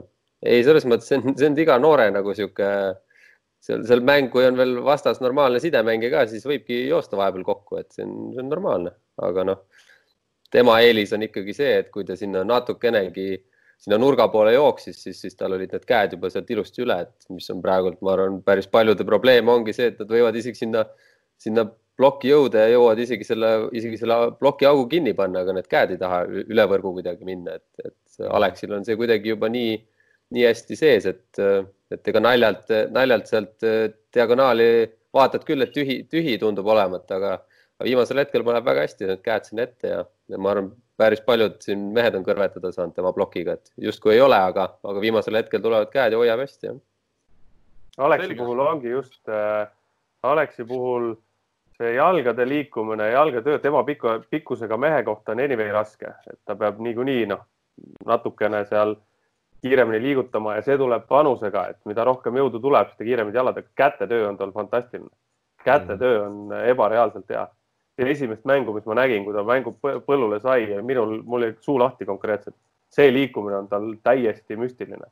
ta on väga hea kaugus, väga heal kaugusel võrgust et neid käsi kiiresti üle saada ja käed liiguvad nagu üle võrgu ka, et ta on nii agressiivne võrgu kohal, et see on tõesti müstiline aga meil on aeg esimene saateosa võtta kokku, me oleme täna jälle väga palju rääkinud Saaremaast, aga mitte sellest Saaremaast, kellest me üldiselt räägime. Ja nüüd, kui peaks siis Alex ka vaatama ja kuulama seda saadet, siis ütleme, et nüüd on küll aeg tulla jälle kahe jalaga ilusti maa peale tagasi, sai siin natukene kiidetud, aga pikk-pikk maa on veel minna eh, heaks võrkpalluriks saamisel. meie teeme siit eh, väikese pausi ja läheme edasi juba küsimusmänguga küsimusmängu toetaja on teamshield.com oma disainiga spordi ja vaba aja riided. eelmisel nädalal küsisime siis, milline tulevane telediktor ja saatejuht mängis koos Reimo Kuriga Jaan Brassi käe all võrkpalliklubis Täht noortesarju. vihjeks siis lisasime, et kõnealune isik kuulus Eesti noortekoondisse ja sai end proovile panna ka Silvesteri meistriliiga klubis. Argo, annan sulle võimaluse, kas sa tead, kes see tulevane saatejuht siis oli? ma ei tea see on mootorrattaga mees. see on ka hea vastus, aga seda ma õigeks ei saanud lugeda seekord. õige vastus oleks olnud Suks või Tšuks või kuidas iganes. Ehk Johannes Tralla, kes siis täna töötab Eesti Televisioonis ja iga õhtu teda võib näha, erinevaid saateid on kohe mitmeid, mida ta juhib. Ja meil oli väga palju õigeid vastajaid, suisa üheksateist tükki. Ja Argo, ma annan sulle võimaluse öelda ühe numbri. no ma ütlen number viis mina ütlen ausalt. ma võin muuta. ei, väga hea, väga hea nimi on, number viis on Hendrik Rikand, nii et käsimuse ja tõesti ei ole siin tegu mingi kokkumänguga ja Hendrik saab siis. oled kindel või? on, olen kindel.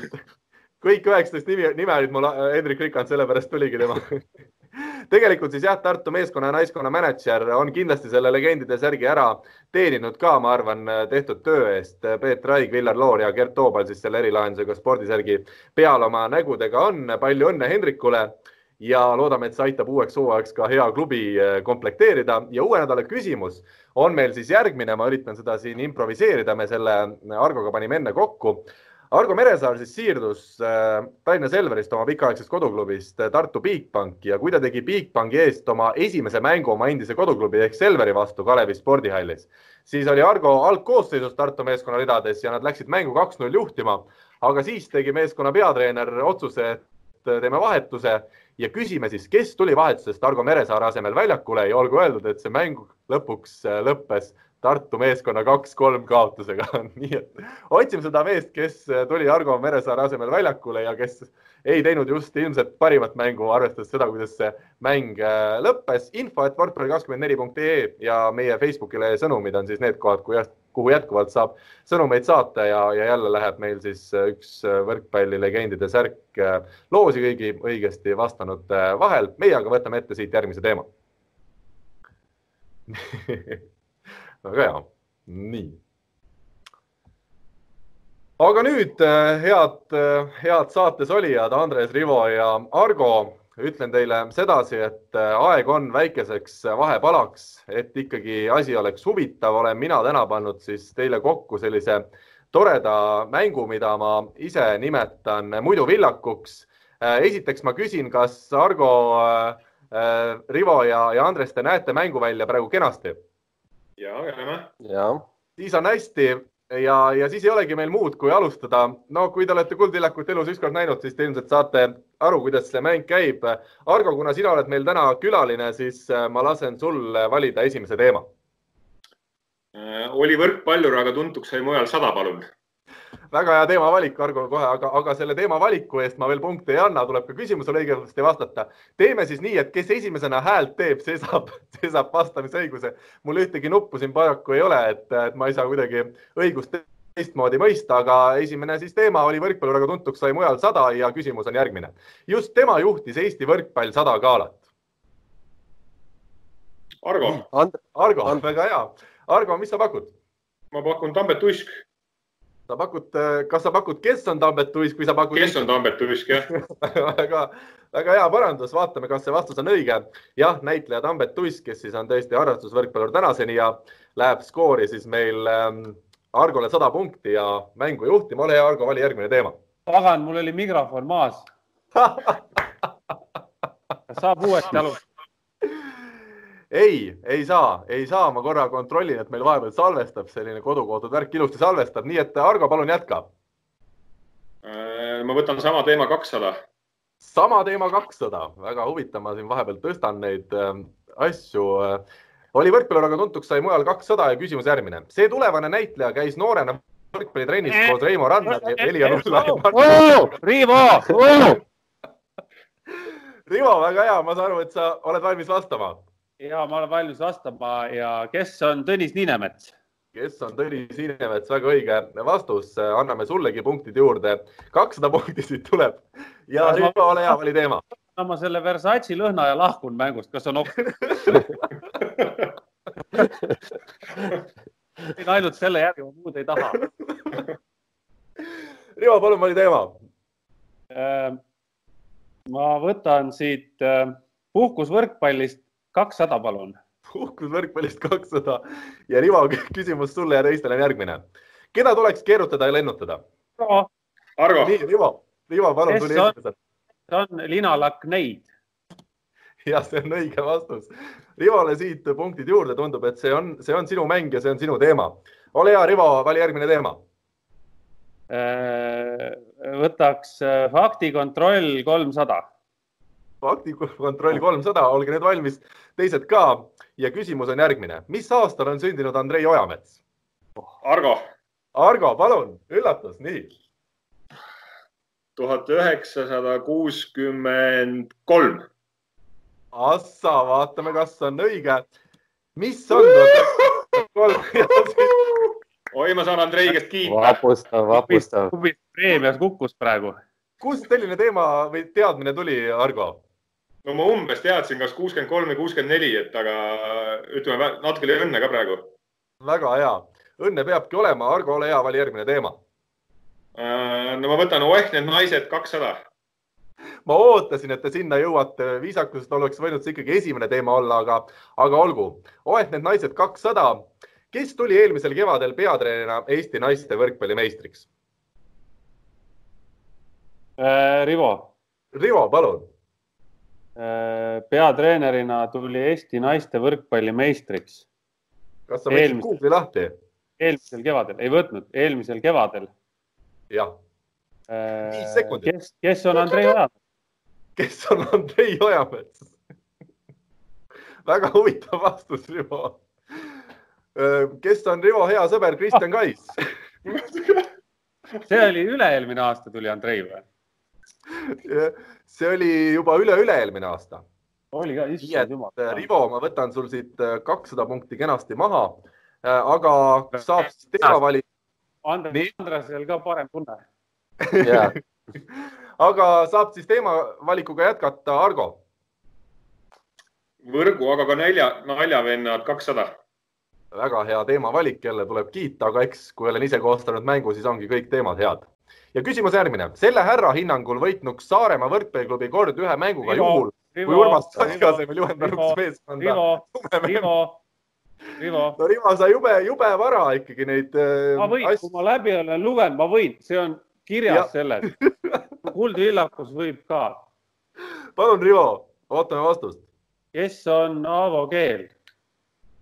vaatame, kes on Aavo Keels, meil on ka Läti äh, kuulajad ja vaatajad, nii et olgu siis õigesti pandud. ei, see on õige, Rivo, see on õige, loeme õigeks selle sa oled tulnud neljasaja punkti peale tagasi, Argoga võrdne ja tundub, et Andresel see mikrofon ei ei tööta ka praegu väga hästi, aga Rivo, vali teema.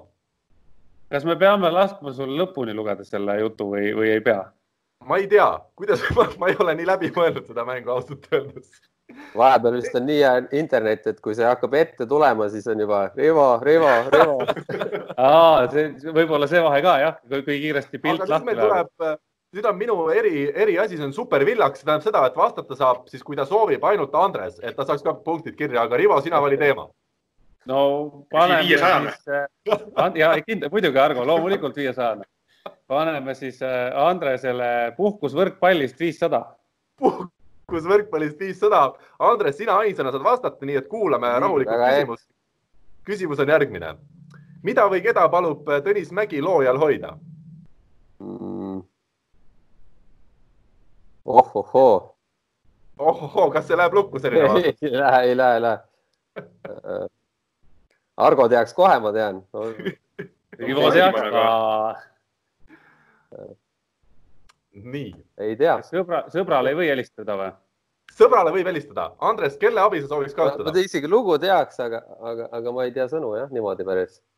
aga siin on sõbra, meil on ka kõne sõbrale on üks kord saate jooksul võimalik, nii et kas sa soovid helistada Argole või Rivole, meil on kaks nimi. Argole, Argole ma tean kindlasti, Argo teab kõiki Eesti neid äh, laulude sõnu võtame ühendust, tere Argo, sinu sõber Andres on jäänud äh, muidu villakus suurde hätta, ole hea, ütle, mida või keda palub Tõnis Mägi loojal hoida? no mulle tundub, et on Maarjamaad, aga, aga seal laulus vist on mitu korda seda looja hoiat. äkki on Eestimaa või Maarjamaa, et sa pead ise otsustama, võta viiskümmend, viiskümmend ka veel, kuule.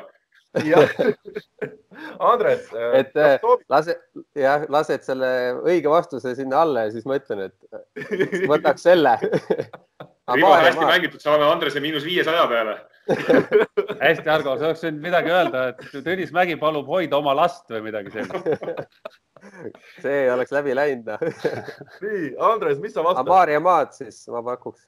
kas, kes on Maarjamaad või mis on Maarjamaad või lihtsalt Maarjamaad? mis on, mis on Maarjamaad? mis on Maarjamaad, vaatame, kas see on õige ja see on õige vastus. Tõnis no, Mägi tõesti palub. aitäh sulle. aitäh mulle kõigi poolt. Andres, ajalooline hetk on sündinud, sa ainsat vastust ei tea ja ometi sa oled läinud juhtima seda mängu. vaata, kuidas, kuidas keegi kuhugile jõuab, onju. aga Andres, palun vali teema ähm,. võtaks faktikontroll nelisada faktikontroll nelisada ja küsimus Andresele on järgmine kõigile. nimeta üks endine Eesti meistriga klubi, mille ridades Gert Toobal ei ole mänginud. Argo äh,. Rivo. Argo, Argo tuli juba. nii. Argo, sa võid nüüd vastata Tallinna ka. Selver. mis on Tallinna Selver? mis on Tallinna Selver, vaatame, mis on tubli vastus juba tundub, et ka mäng teadis Argo jagab vastust nii et Argole siit punktid juurde ja kaheksasaja peale ja meil on uus liider. Argo, ole hea, vali teema. Äh, oli võrkpallur, aga sai tuntuks mujal nelisada. nii ja olete valmis küsimust kuulama ja see on selline. ETV spordireporter käis noorena seitse aastat võrkpallitrennis, esimene treener oli Edgar Haavik. ETV siis praegune spordireporter no,. Andres. Andres, palun kes on Tarmo Tiisler. ja see on õige vastus, Tarmo Tiisler oh. on käinud võrkpallitrennis. ja Andresele. üllatav, väga üllatav. jah, arvestades mänguoskusi, arvaks. tegelikult ma nii loll ka ei ole. ei, mitte see, üllatav oli see, et Tiisler on võrkpallitrennis käinud. ma võtsin isiklikult sa oled nagu Nõmsalu, kui Ojamets temaga midagi rääkis. ja peab olema seda nii on, jah, mina nüüd jälle. palun teema. Äh, võtaks siis Oeh, need naised kolmsada. Oeh, need naised kolmsada ja küsimus on järgmine. millises välisriigis mängis lõppenud hooajal enim Eesti naisvõrkpallureid? Andres. Andres, palun. mis on Prantsusmaa? mis on Prantsusmaa, on õige vastus ja ei tea, kust on tulnud üllatusmängija, kes paistis, et läheb täna Versace selle lõhnaõli peale, on ikkagi nüüd minemas täispangale ja tahab ka järgmises mängus kaasa lüüa. Andres tuhat kakssada, Argo kaheksasada ja Rivo nelisada punkti. Andres, palun jätka mm,. puhkus võrkpallist nelisada. puhkus võrkpallist nelisada ja küsimus on selline. Kes tahtis Ivo Linna olla seiklusfilmis? Rivo, Rivo, Rivo, Rivo. Äh, Ivo Linna tahtis olla seiklusfilmis Sangar ja see on õige vastus, Sangar tõesti tahtis olla tema ja Rivo. vibutas kätt ka, et vastus peab olema ilusti formuleeritud oot, ma teid kõiki ei näe kusjuures pildis, aga, aga Rivo, kuidas sa formuleerisid selle vastuse? Kes on sangar, tahtis olla sangar. ja kui parandan, vabandust, tõesti, kes on sangar nii, aga Rivo, nüüd sina kui punktivõitja saad ise valida teema ja öelda, kes ainsana saab sellele küsimusele vastata ja muuhulgas sa võid valida ka iseennast vastama, nii et palun Äh, ma võtan Argo Meresaarele võrgu ja ka, ka naljavennad nelisada, palun. väga hea. Argo, ole valmis, rahulikult on nüüd aega mõelda. küsimus on selline. See härra mängis karjääri jooksul muuhulgas Pärnus ja Tallinna Selveris. nüüd on ta tubli kohvikupidaja Pärnus ja kahe tuhande üheksateistkümnenda aasta Rahvaliiga võitja Kilingi-Nõmme meeskonna ridades. no tundub lihtne küsimus. aga vastus on, on raske. ma pakun, et on, kes on Ergo Sartakov. vaatame, kas vastab tõele, kes on Ergo Vähe Sartakov nii et lisanimi ka juures ja, ja Argo teadis seda, nii et väga valusalt praegu sai Rivo vastu pükse. Argol tuhat kakssada, Andresel tuhat kakssada ja Rivol kaheksasada punkti. Argo, ole hea, vali teema. Äh, ma võtan Ohne, Ohne naised nelisada. väga julge valik ja küsimus nüüd teile kõigile on selline. just tema on võitnud ainsa Eesti võrkpallurina Itaalia karika. Rivo. Rivo, palun. kas vastus on ei see, see on nain, naisterahvas peab olema, onju. no kui on teema oeh need naised, siis saad ise järeldada. kes on Kajalina? Äh, ja õige vastus on, kes on Anna Kajalina, nii et väga hästi, Rivo võtab siit lähemale ja uskuge või mitte, aga kõigil võistlejatel on tuhat kakssada punkti ja me läheneme kõige otsustavatema, kõige otsustavam, et matemaatika, no nii, läks, läks, otsustavatele küsimustele läheneme. Rivo, palun äh, oli võrkpallur, aga tuntuks sai mujal viissada. oli võrkpallur, aga tuntuks sai mujal viissada, olge nüüd valmis karjuma oma nime. Eesti võrkpallilembeli sai president muuhulgas Järvama meister. Andres, palun äh, Ar. Arnold Rüütel. kes on Arnold Rüütel? Kes on Arnold Rüütel, väga hea, ikkagi tuli küsimus ja vaatame, kas see vastab tõele ja nii on. Arnold Rüütel oli noorpõlves tubli võrkpallur ja tuhande seitsmesaja punkti peale, mis siis pärast mängu arvutatakse välja eurodeks, mis saab äh, heategevuseks mängija ise panustada, on siis praegu Andresel koos. väga hea, tuhat seitsesada ja teistel siis tuhat kakssada punkti hetkel kirjas. Andres, palun teema. oli võrkpallur, aga tuntuks sai mujal kolmsada. ja küsimus on selline Eesti Draamateatri kunstiline juht, peaosatäitja filmis Päevad, siis ajasid segadust. Andres, palun, vana filmifänn. jah, kes on Toompere juunior, juunior? väga hästi mõeldud ja täpselt nii, kes on Hendrik Toompere juunior, juunior on veel kusjuures super õige vastus, me paneme juurde sulle kolmsada punkti, nii et sa oled kahe tuhande peal, Argo ja Rivo on jäänud nüüd kodudes vaikseks ja kaheksasaja punktiga maas. Andres, palun teema. Faktikontroll sada faktikontroll sada ja küsimus selline. mis aastal tuli Viljar Loor olümpiamängudele? Rivo. Rivo, nii. tuhat üheksasada kaheksa, mis on tuhat üheksasada kaheksakümmend, Moskva ja see on väga täpne vastus, kõige lihtsam küsimus kogu selles mängus ja, ja Rivo sai pihta, läheb nüüd Argost mööda, tuhat kolmsada sinule, Argol tuhat kakssada ja Andresel kaks tuhat. Rivo, palun teema. Äh, võrgu ja naljavennad kolmsada, palun ja küsimus on selline, see legendaarne Eesti koondislane mängis karjääri jooksul kolmeteistkümnes välisklubis. Rivo, palun. Äh, kes on äh, Jaanus Nõmsalu ehk AKA e, Komeet? väga hea. ja panen juba punktid ära ja siis lasen ka siin selle vastuse ette täpselt nii. Jaanus Nõmsalu ja mulle tundub, et Rivo kohati vastab juba enne, kui ta küsimust näeb. sellised on mehe teadmised. Rivo, palun võtaks oeh need naised viissada. ai, ai, ai, nüüd tuleb karm küsimus, pange nüüd piip ja prillid valmis, küsimus on pikk ja järgmine. Neid kahte Eesti tegevvõrkpallurit seob nii mõndagi, nad on mõlemad pärit seitsmeteist tuhande elanikuga Eesti linnast, nad on mänginud Soome kõrgliigas ja nad tegutsevad samal positsioonil. kes on? Äh, Rivo, Rivo, Rivo, Rivo, palun. Rivo, kes on Kristiine Miilen ja Anu Ennok? ja täpselt nii äh, tubli, Rivo, ma ei oskagi kohe midagi erilist öelda, naiste. seda naiste, naiste värki ma tean hästi ja Rivo on kerkinud uuesti võistluse liidriks, kaks tuhat ükssada punkti temal, Andresel kaks tuhat ja Argol tuhat kakssada. küsime, kas Argo, sa oled veel olemas? ikka, ikka olemas, jah. väga hea, hoiab lõpuspordiks kõige vanem, kõige aeglasem. Tartus on internet, on aeglane Rivo, palun teema. Puhkus võrkpallist kolmsada. puhkus võrkpallist kolmsada, küsimus on selline ühel seikleval Priiuse rüütlil. Rivo, Rivo, Rivo. Rivo, palun. Äh, mis on äh, pistoda? mis on pistoda, vaatame. või nagu vene keeles öeldakse pistoda. pistoda. jah, seal vene keeles algab üks teine sõna ka sama. pistoda. nii ja Rivo Pistoda toob ta kahe tuhande neljasaja punkti peale Andresel kaks tuhat ja Argol tuhat kakssada ja nüüd Rivo on olukord, kus sa saad lasta siis äh, kaasvõistlejal kellelgi jälle valida küsimuse ja äh, tulemus korrutatakse siis kahe, kahekordselt ehk siis kui on viissada, siis saab tegelikult mängib tuhande peale. ma tõmban, äh, tõmbame pika järgi. Argole võrgu, aga ka naljavennad viissada. võrgu, aga ka naljavennad viissada. Argo, ole nüüd valmis, sina ainsana vastad. Just tema pani oma pojale nime Robert Tähe järgi. no see vist on ka lihtne küsimus, kui, kui, kui ma mööda ei pane, siis on lihtne küsimus. no loodame, mis sa pakud?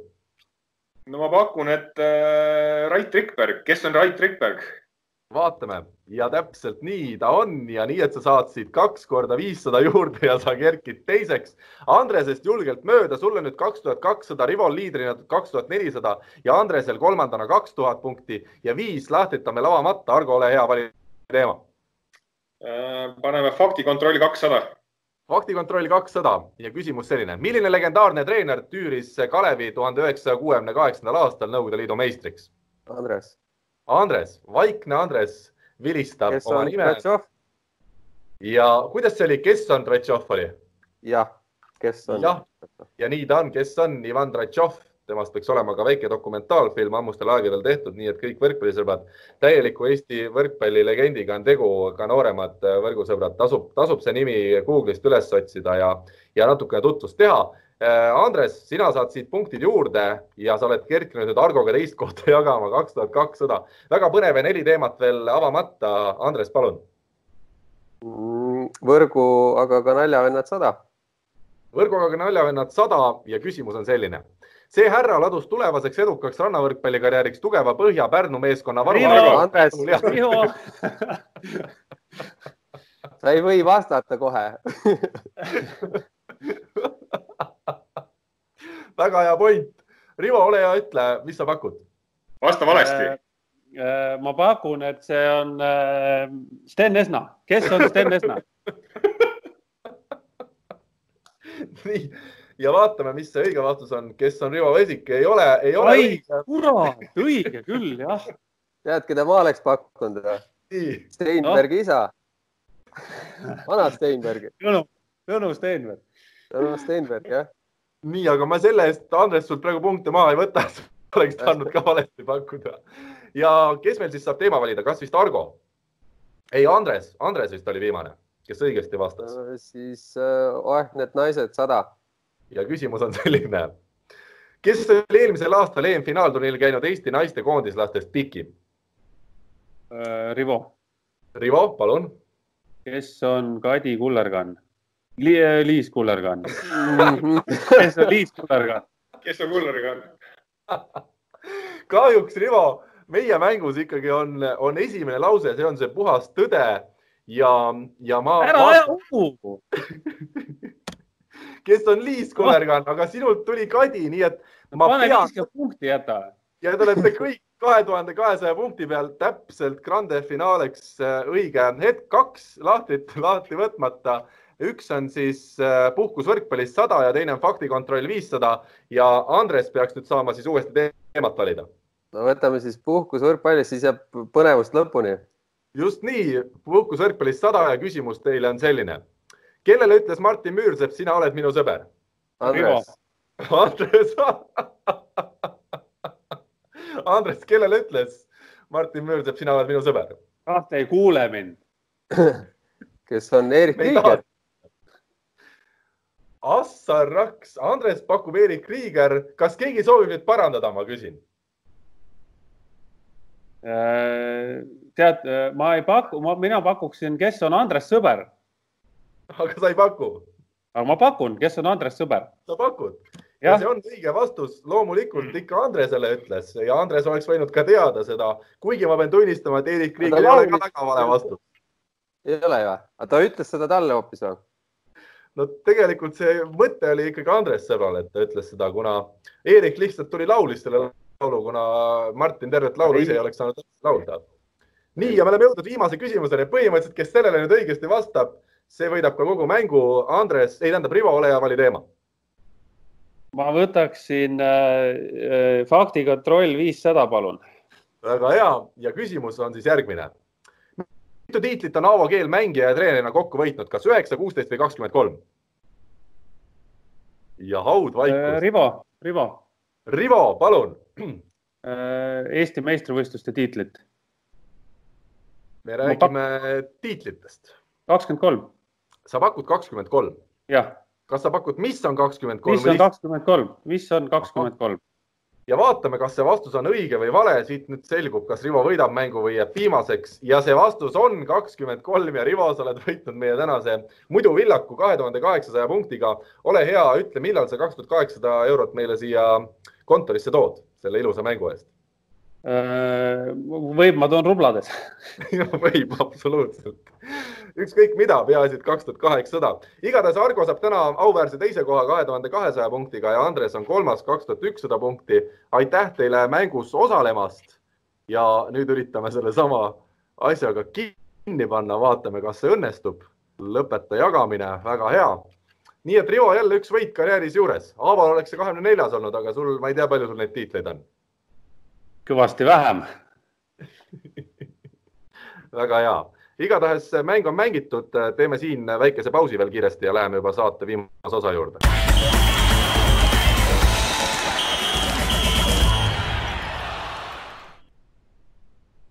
ja meeleolukas muiduvillak on saanud läbi ja aeg on minna tänase viimase teema juurde ja see teema, mille me oleme välja valinud, on diagonaalründaja positsioon. Ja Argo, ole hea, ütle alustuseks päris ausalt, kas seda diagonaalründajana mängimist sa nautisid ikkagi täiel rinnal, see oli positsioon, kus, kus oligi kõige mõnusam või sa ikkagi karjääri jooksul mõtlesid näiteks ka temporündaja kohale või, või nurgaründaja kohale või kes teab, ehk isegi libero positsioonile? side ikka no,. ma alust-, ma alustasin äh, ikkagi nagu temporündajana. siis, kui ma, näiteks ma kuskil spordigümnaasiumis käisin abis ja siis ma olin temporündaja veel, aga jah, mingil hetkel ma ei tea, kas ma ise tahtsin või ma isegi ei mäleta täpselt, et äh, läksin diagonaalründajaks, et, et äh, aga kui ma nüüd oma karjääri tagasi mõtlen natukene, siis äh, praegu ma igatsen küll, et ma oleks võinud sidemängija olla, kuigi noh, ma saan aru, et, et selliseid kaks null viis sidemängijaid Eestis väga palju pole olnud, siin Viiber ja, aga mulle tegelikult mäng, meeldib väga sidemängija roll. ma olen aeg-ajalt trennis, trennis nagu oma poistega seal harjutanud sidemängijana tundub, et nad üldse ei oska ja tundub, et ma olen päris hea, aga see on võib-olla lihtsalt noortega, no ei no noortega on väga lahe olnud mm. -hmm. minu küsimus. mul on väga head käed, mul on head käed, kuule. ma ütlen, mina olen, mina olen neid, neid tõsteid löönud küll mängu sees ka, et äh, väga head tõsted. Teil läks sassi siis midagi või? ei no ta trügib päris hästi sinna, kui niisugune lahtine pall on, siis kui ta võiks lööma minna või võis lööma minna, siis ta pigem ütles, et ma tõstan ise, aga aga mingi hetk Pärnus vist, kui me mängisime, siis, siis ma ikka sain nagu ühe pealt ka rünnata vahest, et äh, kuidagi ja. olid äh, positsioonist väljas ja siis Argo läks ja hüüdis, et tema tõstab ja mingid hetked olid siuksed olukorrad, kus usaldati üksteist, et siis, siis ma olen ikka saanud tõsteid, jah. no tänapäeval vist ei lubata, ma arvan, tipptreenerid ei luba niisugust äh, avantüüri teha seal, aga, aga sel ajal minu arust, kui kui sidemängija peaks palli maha lööma, siis minu arust see tekitab niisugust head positiivset energiat ja ma arvan, et see nagu, et kui see nagu õnnestub ära teha, siis äh, võistkonnal on, ma ei tea, pigem nagu käik juurde positiivses mõttes, et mm. -hmm. kui Argo käis meil hooaja esimeses pooles äh, stuudios, siis ta ütles, et ta ikkagi on hoidnud ennast vormis ja ei olnud ka kaugel see hetk, et ta oleks eelmisel aastal äh, igaks juhuks Tartu meeskonnas registreeritud. Rivo ja Andres, küsimus teile, kui nüüd Argo oleks sel hooajal mänginud Pärnus, kas ta oleks mänginud selle Kristaps Plataksi üle?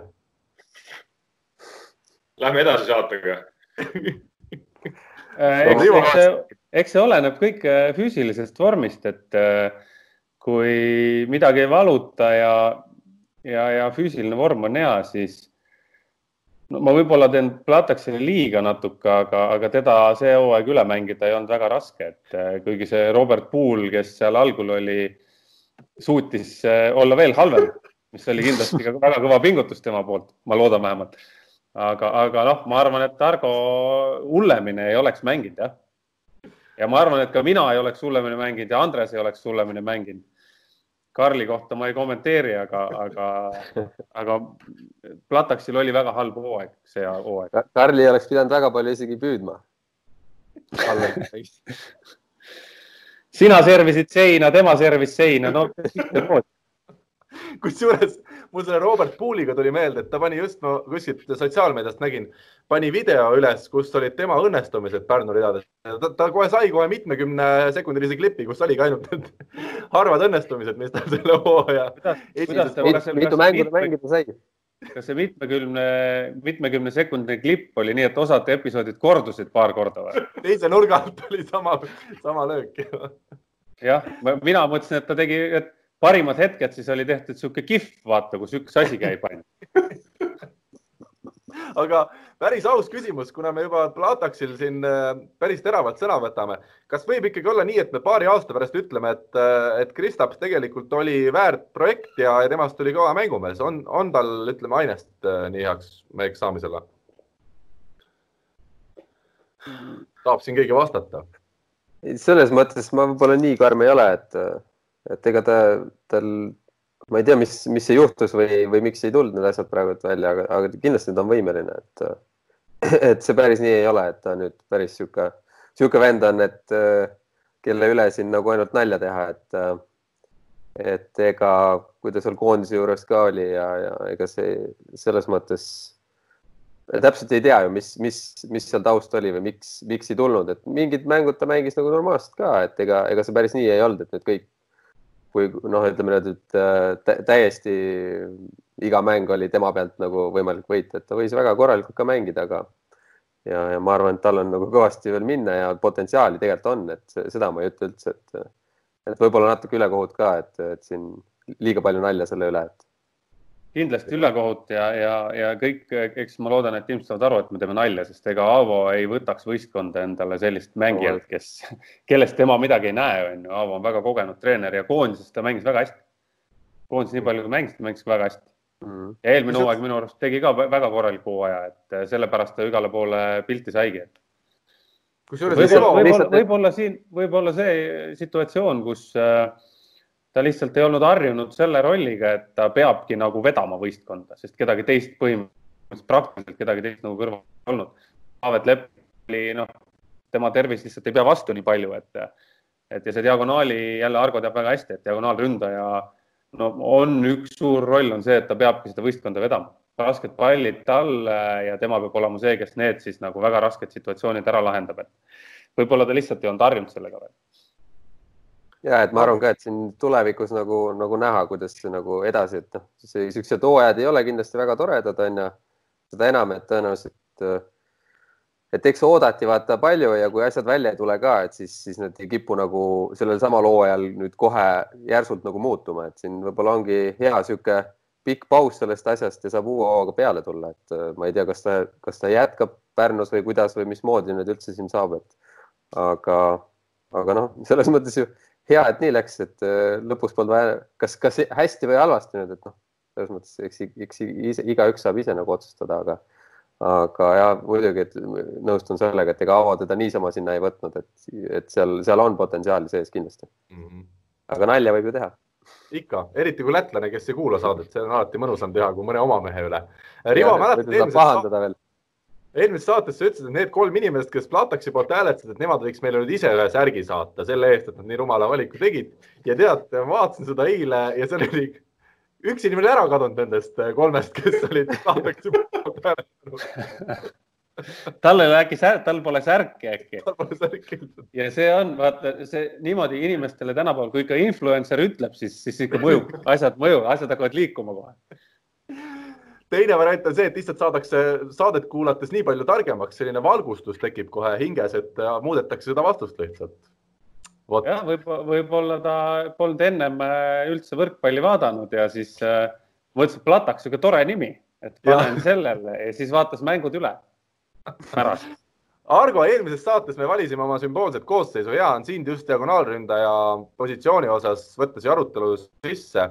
meie valisime kolme häälega siis Matei Schmideli, Tallinna Selveri diagonaalründaja nii-öelda oma sümboolsesse koosseisu. mina olin ainus, kes Daniel Masselli valis. kuidas, kuidas sina võrdleksid neid diagonaalründajaid ja, ja Curtis Stockton siin Tartu poolelt samuti juurde, et millise mulje nad sulle jätsid? no ma saate alguses ütlesin, et mina oleks sinna üldse oma kasvandiku Hergo Hansmanni pannud, aga okei okay,, nali naljaks, aga, aga äh, no eks neil kõigil oli jah, selline hooaeg, et äh, niisugust ühtlast stabiilset vana minu arust ei olnudki, et oli nii, oli kõigil, noh, ma olen Curtisega kõige rohkem siin kokku puutunud, et, et äh, tuli ikka selliseid mänge, kus nad ikka nagu lagunesid ära. mm -hmm. ma arvan, et kõigi kohta võib niimoodi öelda. oli niisuguseid mänge, kus nad, kus nad nagu tagusid puhtaks, aga, aga selliseid totaalseid lagunemisi võiks nagu nendel meestel vähem olla. et selles mõttes nagu ma ütlen, minu valik vist oleks olnud Marcel. ta on sihuke just selles mõttes ka, et ta on nagu üdini spordimees, et ma enne seda hooaja algust vaatasin, mismoodi ta iseseisvalt trenni tegi ja, ja kui, kui sada protsenti ta selle asja sees on, et ja nende euromängude ajal ka, et seal alguses natuke rabistas seal, aga lõpuks sai minu arust ikkagi nagu käima ennast, et et, et ta, ta ka nagu vaimses mõttes, kui ta seal TTÜ-s veel mängis, ta oli päris okei okay, sihuke liidri, liidri omadustega ja et minu valik oleks Marcel olnud jah, ta on inimesena, sa väga hästi tõid selle välja, et ta inimesena ikkagi meeskonnakaaslastele ka sümpatiseerib ja, ja temaga neid probleeme nagu väga ei ole, eks ta kindlasti nõuab ka natuke teistsugust tõstet vahel sidemängijat võib-olla, aga võrreldes Middeliga, kellega kuuldavasti ikkagi neid, ütleme, egokriise oli võistkonna sees rohkem, et siis ta tundub selline laadnam vend, kes just võistkonnale mängib paremini. Andres ja Rivo, kuidas te nüüd kostate, meil on diagonaalründaja öelnud selle lõpliku tõe, et tegelikult pidanuks ikkagi Marcel olema. see ei ole mingi absoluutne tõde, ma lihtsalt see on, see on, Argo, ilmselgelt. No, kui Argo, kui Argo ütleb, siis eks peab siis sõnad tagasi võtma ja pea norgu laskma sõnad on lendu lastud juba. ja, ja ei, ei, ei, selles mõttes loomulik, et äh, Marcel ju loom, ta, ta just sots, sotsiaalmeedia poole pealt ka, et ta näitab, et ta on tohutu ju tegelikult äh, tohutu selline spordimees ja, ja, ja tõesti, et ega ta ju inimesena on ka noh, selles mõttes on näha, et ta on ta on üdini sellesse pühendunud ja ta teeb nagu seda oma asja. minu see vaatevinklis oli see, et, et mina näen, et äh, Schmidliga on paari aasta pärast on ta kindlasti Marcellist mitte peajagu üle, aga kindlasti kõvasti parem. no lihtsalt korra veel, korra veel segan vahele, kuule, et, et, et äh, nagu ma ennem noorte kohta ütlesin, et ma, ma pigem ütlen nagu äh,, nagu meeste kohta ka, et mulle pigem sümpatiseerivad nagu töökad vanad kui sellised vanad, kes on nagu üdini andekad ja võib-olla ütleme siis nagu ei ole nii töökad, et pigem mm. sellepärast on mul ka Marcel nagu hästi sümpaatne vana mm -hmm okei okay., äh, kui me nüüd vaatame laiemalt pilti, meil on täna, ütleme Euroopa tasemel kaks diagonaalründajat, Rene Teppan ja Oliver Venno. Argo, ole hea, ütle, kuidas sinule on olnud nende meeste karjääri kõrvalt vaadata, sa oled vist isegi mänginud vähemalt ju Renega kindlasti koos, aga, aga Oliveriga ju koondises ilmselt samuti kokku puutunud, et, et millised muljed on, on tema, nemad sulle jätnud? Ei no see, see, kuhu vanad on välja jõudnud praegu on nagu muljetavaldav jah, ei ole midagi öelda, ma vaatan, no ma võin öelda ka, et, et Rene on mul üks siukseid mitte ainult nagu diagonaalidest, vaid üleüldse koondisest üks, üks siukseid lemmik, lemmikmängijaid. et äh, mitte üldse sellepärast, et me, et me mängime nüüd sama kohta või et me oleme ühes võistkonnas olnud, vaid noh, ma olen temaga kokku saanud ja rääkinud ja, ja ta on selles mõttes hästi-hästi sümpaatne mulle mm. -hmm. Ja Oliver? no see, et Oliver oma koha nüüd seal Türgis on leidnud, eh, noh, räägitakse nii ja naa, et oleks võinud kõrgemalt lennata ja, ja, ja rohkem, ma ei tea, rohkem tööd näha ja vaeva, tööd teha ja vaeva näha, et aga, aga mulle tundub, et ta on eh, leidnud nii-öelda oma koha ja kui te nüüd tunnistate veel liiga parimaks diagonaalründajaks, et, et jumala eest et ma ootan põnevusega, et ta tuleks, et see koondise suvi ikkagi mingisuguse alguse saaks ja et ta taas koondisega liituks ja et ta suudaks ennast taas, taas näidata. et seal eelmisel suvel need äh, jutud, jutud ta ümber, et noh, võib-olla oligi vaja ühte sellist suve, kus ta saaks natukene vabamalt võtta ja ma ei tea, kätt paluda ja, ja, ja võib-olla kuskil kontserdil käia natukene ja võib-olla saigi natukene tuulutada ja nüüd on, on valmis jälle täiega aitama Mm -hmm. et selle, selle rohkem treenimise ja selle rohkem spordimehelikkuse kohta seda ka, et ega, ega, ega seda nagu inimese natuuri nagu ümber nüüd muuta, et see ei pruugi ka nagu alati nagu mingit tohutut vilja, vil-, noh, ütleme vilja siis kanda, et, et eks, eks iga mees ju vaata teab ise, kuidas, kuidas on, et loomulikult seal soovitused ja, ja võib-olla me võime mõelda, et milline võiks olla, aga seda ju tegelikult kunagi keegi teada ei saagi, et Mm -hmm. et nad on kaks täiesti ju erinevat, erinevat isiksust ja, ja seda on nagu tegelikult ju palliplatsil näha, et nad ju on täiesti. selles mõttes on ju, selles mõttes on ju Renks ja, ja Oliver ongi täpselt minu arust kaks, kaks, kahes erinevas äärmuses pigem, noh mm -hmm., et üks on ikka täielik tööloom ja teine on nagu pigem, pigem andekas mm. -hmm kumma, kumb mängustiililt sinu endale sarnasem on, oskad sa Argo sedasi võrrelda või, või mõelda? Nad mõlemad on suht hea tehnikaga, nii et ma ei ole nende sarnane väga. jah. kuidas sa mäletad Oliveri ja Reneed esmakokkupuutel, millised mehed nad siis olid? no, nad olid jälle nagu erinevad selles mõttes, et Rene oli pigem niisugune, kes oli alguses nagu vaiksem ja sihuke vaatas vanematele natuke nagu alt üles pigem. ma ütlen, noh, nagu ta nagu austas vanemaid inimesi. Aga minu arust Oliver oli pigem sihuke, et, et ma tulen, teen ja, ja mängin sind üle kohe, noh. et selles mõttes alguses oli natukene nagu erinevalt mm. -hmm. et selge vahe, selge vahe nagu inim-, ongi täpselt inimnatuuris on selge vahe sees. kui palju see sinu karjääri mõjutas, et meil sellised tugevad diagonaalründajad peale kasvasid? no ma ütlen, et tegelikult on mul äh, isegi õnneks läinud, et äh, noh, kuidas ma ütlen, et teistega, teistega juhtunu on natuke mind ka seal vee peal natukene hoidnud, et kui oleks veel, oleks veel Sikaste ka terve püsinud ja oleks tal süda terve olnud, et noh, ma oleks mänginud mingit mudaliigat tegelikult, et mul, mul ei oleks sinna koondiste juurde väga hästi olnud. et see, et noh, ühe mehe õnnetus on teise mehe õnn natukene mm -hmm.. okei okay.. Rivo, kuidas sulle see diagonaalründajate asi tundub, millest me siin viimased minutid rääkinud oleme? Äh, sa, kas sa mõtled koondise koha pealt või nüüd selle, selle, selle meie selle valitud asja koha pealt? ei, ei koondise, koondise, koondise. koondise koha pealt, no täpselt nii nagu, nagu Argo ja Andres ütlesid, et äh, kaks erinevat mängijat, äh, mõlemal on omad plussid, on ju, ja ja see ilmselt koondise ja koondise treenerile annabki, annabki nagu väga hea võimalus, et kui sul on kaks ühesugust mängijat, on ju, siis sa vahetad neid aga midagi ei pruugi muutuda, et, et nüüd annabki hea võimaluse laveerida kahe mängija vahel mm. -hmm. ja tegelikult... siin ei ole suurt, suurt nagu midagi öelda ei ole, et äh, täna, nagu me ka eelmises saates rääkisime, et täna neile ju äh, ma seda Hansmani poissi muidugi pole näinud, aga nüüd, kui Argo siin ta on nii üles kiitnud, siis ma pean mingeid videosid hakkama otsima, et, et aga täna ju neile kahele mehele ju tegelikult suurt konkurenti ei ole Eestis, et äh, nad on ikkagi ikkagi mingi, mingi maaga järgmisest mehest ees, et see on, aga, aga see on väga hea, et meil on kaks diagonaalründajat ja mõlemad on nagu erineva mängustiili kusjuures Andres ju eelmisel, äh, eelmises saates ütles, et just diagonaalründaja koht on see, kus meil Eesti liigas on neid äh, oma mehi siis kõige vähem, ainult Mihkel Nuut TalTechist siis põhimeestest. aga, aga kui me vaatame välismaale, siis lisaks Vennole ja Teppanile ju tegelikult lõppenud hooajal Indrek Pulk oli väga tugevas Chamonix klubis Prantsusmaal. lisaks oli meil Siim Põlluäär Itaalia madalamates liigades ja Taavi Nõmmistu veel äh, mängis Šveitsis. et, et neid mängijaid justkui on. Argo, palju on arutatud seda, et Pulk kas ta nüüd on kõva mängumees ka rahvusvaheliselt või mitte, osad on öelnud, et kuna ta on kogu karjääri siis enne Chamonti siirdumist mänginud Eestis, et siis me ei tea seda, kuna ta ei ole tugevate vastastega mänginud. samas ta eelmisel suvel koondises siis natukene sai põllule. kuidas sina, Indreku, just sellist taset hindad, sest Eesti liigast ta ikkagi on ju võitnud aastaid erinevate klubidega kõike, mis võita annab? no ma ei ütle ka nagu midagi halba tal nagu nende treenerite kohta, kes, kes temaga siiamaani tööd on teinud, aga, aga ma arvan, et see oli jälle niisugune samm edasi. noh, kui ta läks koondise juurde, sai Tšanniga kokku, tuli väga palju uusi nüansse. et äh, ta lihtsalt on võib-olla selles maailmas nagu nii-öelda selles noh, kõige kõrgemas tipus nüüd natuke vähe veel mänginud, et ta peaks nagu aastaid aastaid veel mängima ja tal tegelikult on kõik olemas, kõrgused ja suunad ja kõik on tegelikult olemas tal. aga lihtsalt noh, ta on ka vist kolmkümmend pluss juba või ma ei teagi.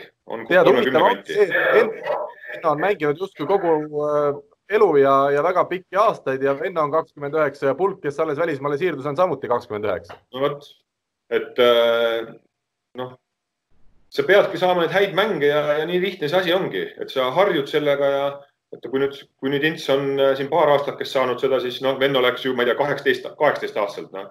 kui üks on mm. kaks aastat, teine kaksteist aastat nagu samal niisugusel kõrgel tasemel mängida, et seal tuleb see vahe sisse mm. -hmm. Pole, pole midagi teha. tal ikkagi on, on, on, ütleme, olla seal Euroopa kuskil, ütleme keskmikes päris niisugune tegija-mängija või?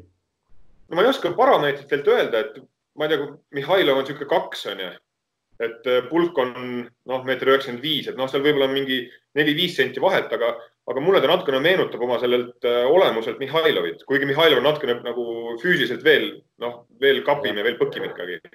aga et ei pea olema nüüd totaalne niisugune koll, et äh, ta on hea kiire käega, head suunad, et kui ta siin Tartus ka mängis, et mina noh, ma nagu püüdsin suunata, aga eks nad sidemängija ja treener, peatreener ikka otsustavad seda, et mina oleks ta veel kiiremini mängima pannud.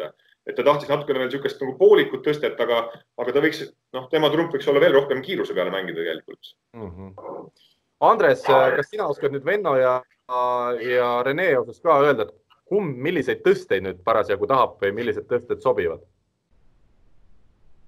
väike, väike erinevus kindlasti on seal, et äh, sest ega tegelikult ju Oliverile meeldib, äh, meeldib päris, päris kiire sihuke peaaegu, peaaegu sihuke noh, vahelt, vahelt terava kiirusega või ma ei tea, kuidas, kuidas nüüd noh, shoot on ju nii-öelda, et, et päris niisugust kiiret ja, ja, ja ta on nagu võimeline ka siukseid madalamaid palle rohkem võib-olla, noh, tal on hästi hea ranne ja ta, ta oskab hästi sihuke, see manuaalsus on hästi hea, et Rene on selgelt selline võib-olla, võib-olla mitte isegi ei taha nii kiiret tõstet, aga ta tahab seda, seda kõrgust kätte saada ja, ja, ja noh, ta on seal hästi-hästi võimas seal no just selle kõrguse poole pealt, et et võib-olla Oliver ei hüppa nii palju, aga tal on sellised hästi siuksed, ma ütlen, niisugune lahtine käsi ja, ja ta on seal kiiresti kohal ja, ja ta teeb selle liigutuse sealt juba ära, et, et selles mõttes jah, see tõste tuleb neil nagu erinev, aga aga ma, see, see ongi täpselt see, et, et seal ei ole kunagi nagu niisugust ühte ja õiget, et mm., et mis on nagu parem, et, et see on täiesti oleneb ka näiteks vastase vastu, et kellel mida, et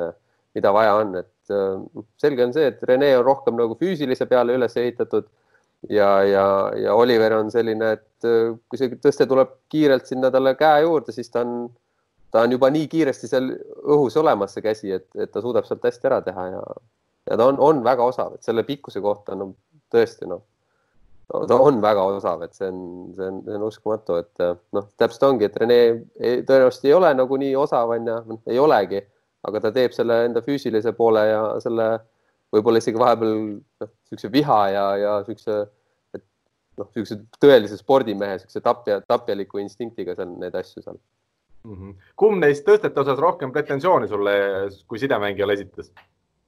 no Renks ikka et ei, tegelikult on nii, et ega selles mõttes Renks on niisugune hästi emotsionaalne ja niisugune impulsiivne, et ega ta võib öelda, aga, aga sama hästi võid sina talle ka öelda, et see, seal ei ole midagi. et ega tegelikult Oliver väga-väga nagu tõstega ei nurise, et siis peab midagi väga halvasti olema, et et aga, aga nagu, nagu Renks ütles mulle ühe korra, et tänu temale, kui ta veel nii-öelda äh, nurgaründaja positsiooni ühel aastal Tartus mängis, tänu sellele siis äh, või oli see Pärnu aasta, ma ei mäletagi tänu sellele siis ma sain altsööduga tõsta väga hästi korda. et, et vastuvõtt oli nii kehva, et ma sain kogu aeg alt talle tõsta, et, et aitäh sulle, Renks. see oli, see oli väga-väga edasiviiv jõud Argo, natuke lähme spetsiifilisemaks selle diagonaalründaja positsiooniga seoses. mina ka harrastustasemel olen seda diagonaali mänginud siis, kui nurgas jälle liiga palju neid vastu võtta läheb kuskile seina poole. ole hea, ütle kui suur vahe oli sinul äh, rünnata eesliinist ja tagaliinist, kas see on kardinaalne vahe või suurt vahet sinul kui pikal ja, ja hea hüppega mängijal ei olnud? no selles mõttes ma olin nagu klassikaline diagonaal, et äh, mul kahe pealt ja ühe pealt oli nii-öelda mugavam äh, rünnata kui nelja pealt mm. -hmm. et see vahet oli, mitte ei olnud nagu liinide kaupa mm. -hmm. et see kaks ja üks olid selgelt äh, mulle mugavamad, jah. nelja pealt sa ütlesid Sidele, et äh, tegid nii, ma näitasid risti, et ära mulle praegu pane? no nelja pealt minu nõrk koht oli selgelt see, et ma ei osanud sealt väga hästi piiri lüüa. et äh, noh, päris risti nagu, risti ei pannud ette, aga, aga see oli ebamugav, ma pean tunnistama seda mm. -hmm. et võib-olla, võib-olla täna nagu harjutatakse rohkem neid suundasid ja pööratakse rohkem sellele tähelepanu, aga noh, ma olen öelnud ka seda, et, et sel ajal, kui mina nagu noh, niisugune arenemisvõimeline võrkpallur veel olin, et ega tagantjärele võiks, võiks öelda, et oleks võinud rohkem harjutada igasuguseid asju mm. -hmm. et äh, tegelikult on kõik harjutamise küsimus. okei okay., aga. sellel oli, sellel oli tähtis, et palli maha lööd, löögus kohas. kas äh, ütleme siis ühe-kahe pealt rünnates, kus see diagonaali põhiasetused on, äh, kas sealt oli ka vahe, et sulle meeldis rohkem piki piiri lüüa või diagonaali suunas? viie-kuue no, vahele. no kui muidu on äh, enamus mängijatel on, kuidas ma ütlen, paremakäelistel on kergem nii-öelda platsi poole keerata. Mul oli just see vastupidi nii-öelda kas plokist välja või siis sinna piki piiri, et see tee, noh, sinna oli suht raske, ma ei tea, Ats ei ole, ei ole minu vastu seal plokis mänginud, aga, aga et äh, nurgamehed, kes seal plokis mängisid, nad pidid ikka väga hästi käsi hoidma, et see pall sealt välja, välja lendaks. et see, see oli mul kuidagi nagu, nagu sisse juurdunud juba jah, et kui mujal ei osanud, ei osanud keerata, siis ma keerasin sinna ja noh, need plokist, plokk, plokk-out'e oli ikka nagu, tuli, tuli julgelt sealt. et see on üks hea näite, et see, kuidas kuidas saab äh, rünnata, et noh, tegelikult päris tihti, kui sa noh, ründasid, siis sa tegelikult ju ei pannud seda rannet nii noh peale, et noh, ma arvan, praegu siin ka noortel osadel tuli suht sihuke üllatus see aasta, kui, kui siin Birooligi tegeles nendega, et noh, kui sa plokki lööd, siis sa ei saa nagu rannet peale lüüa, et löödki nagu küünarnuki alla, et noh, et, et siis, siis see pall ei tule alla sulle enam, et siis see tulebki plokist nagu läheb nagu kerge kaarega õhku, onju et see on niisugused asjad, mida tegelikult nagu võib-olla mina näiteks ka samamoodi mängijana väga nagu siin Eestis niisugust nagu informatsiooni ennem väga ei saanud, et noh, võib-olla ise siis võin öelda, et on loll, et kohe aru ei saanud, on ju, et kuidas nagu, aga, aga tundub, et niisugust, niisugust väikseid nüansse on olnud nagu vajakajäämisi, et et noh, ka Argo see, et võib-olla sul oli, ma tean, kui ma praegult mõtlen sinu selle löögi peale, siis siis tegelikult sul oli see nagu puhtalt oligi see sees, et see väga tihti see pall ikkagi niimoodi kolaki vastu põrandat ei tulnudki tagasi, et kui, kui ploki nagu löök läks, et et seal on ka siuksed väiksed nüansid aga Argo, aus küsimus ja ootan ausat vastust. kas ikkagi alati sa märkasid seda plokki, kus ta on ja sa lõid selle palli plokist out'i, siis alati nii tahtsidki või ikkagi on ka juhuse, juhuse asi ja osa seal märkimisväärne? noh, nagu ma ütlesin ka, et osa, et osa lööke tuleb ju tegelikult nagu intuitiivselt, et, et kui sa ei oska midagi teha, siis sa teed mingi oma liigutuse ära lihtsalt, noh et seda, seda liigutust on teinekord nagu nii, kui see nagu halb liigutus on, siis on seda nii raske välja saada. kui see on hea liigutus, siis on, siis on hea, kui ta sul olemas on, noh, et yeah.. Rivo, küsimus sulle vahele. Ma näen, sa hakkad juba vaikselt magama jääma, kuigi meil siin neliteist kakskümmend kaks kell, kui me seda saadet vaikselt oleme lõpetamas. oled sa veel, oled sa veel elus? ikka. jah, selge. küsimus sulle, palju rannavõrkpallis seda just plokki meelega löömist oli? ja on äh,? olenevalt situatsioonist ikka on, et äh, kui pall näiteks väga võrgu peal on, siis, siis mina isiklikult kasutasin väga palju plokki selleks, et nagu pall enda poole jätta, et lõid vaikse koksuga plokki, ise julgestasid, läksid uuesti rünnakule, et äh, plokist out'i otseselt sellist löömist äh, on kindlasti vähem, kuna on üks plokk ja sul on lihtsalt väljakut, kuhu lüüa mm. -hmm. et saalis ongi, saalis aeg-ajalt osad, mäletan Kristjan Õuekallas põhimõtteliselt oli kõige resultatiivsem mängija kunagi Võru turniiril, vist äkki Peterburi seniidi vastu mängisime, tuli kõik plokist out'i. Ta praktiliselt maha ei löönudki palle, pani aga näppudesse ja läks noh. pikad Peterburi mehed olid jumala närvis väike meeter üheksakümne õuekas lihtsalt nagu plokist out, tal ei olnud muud varianti.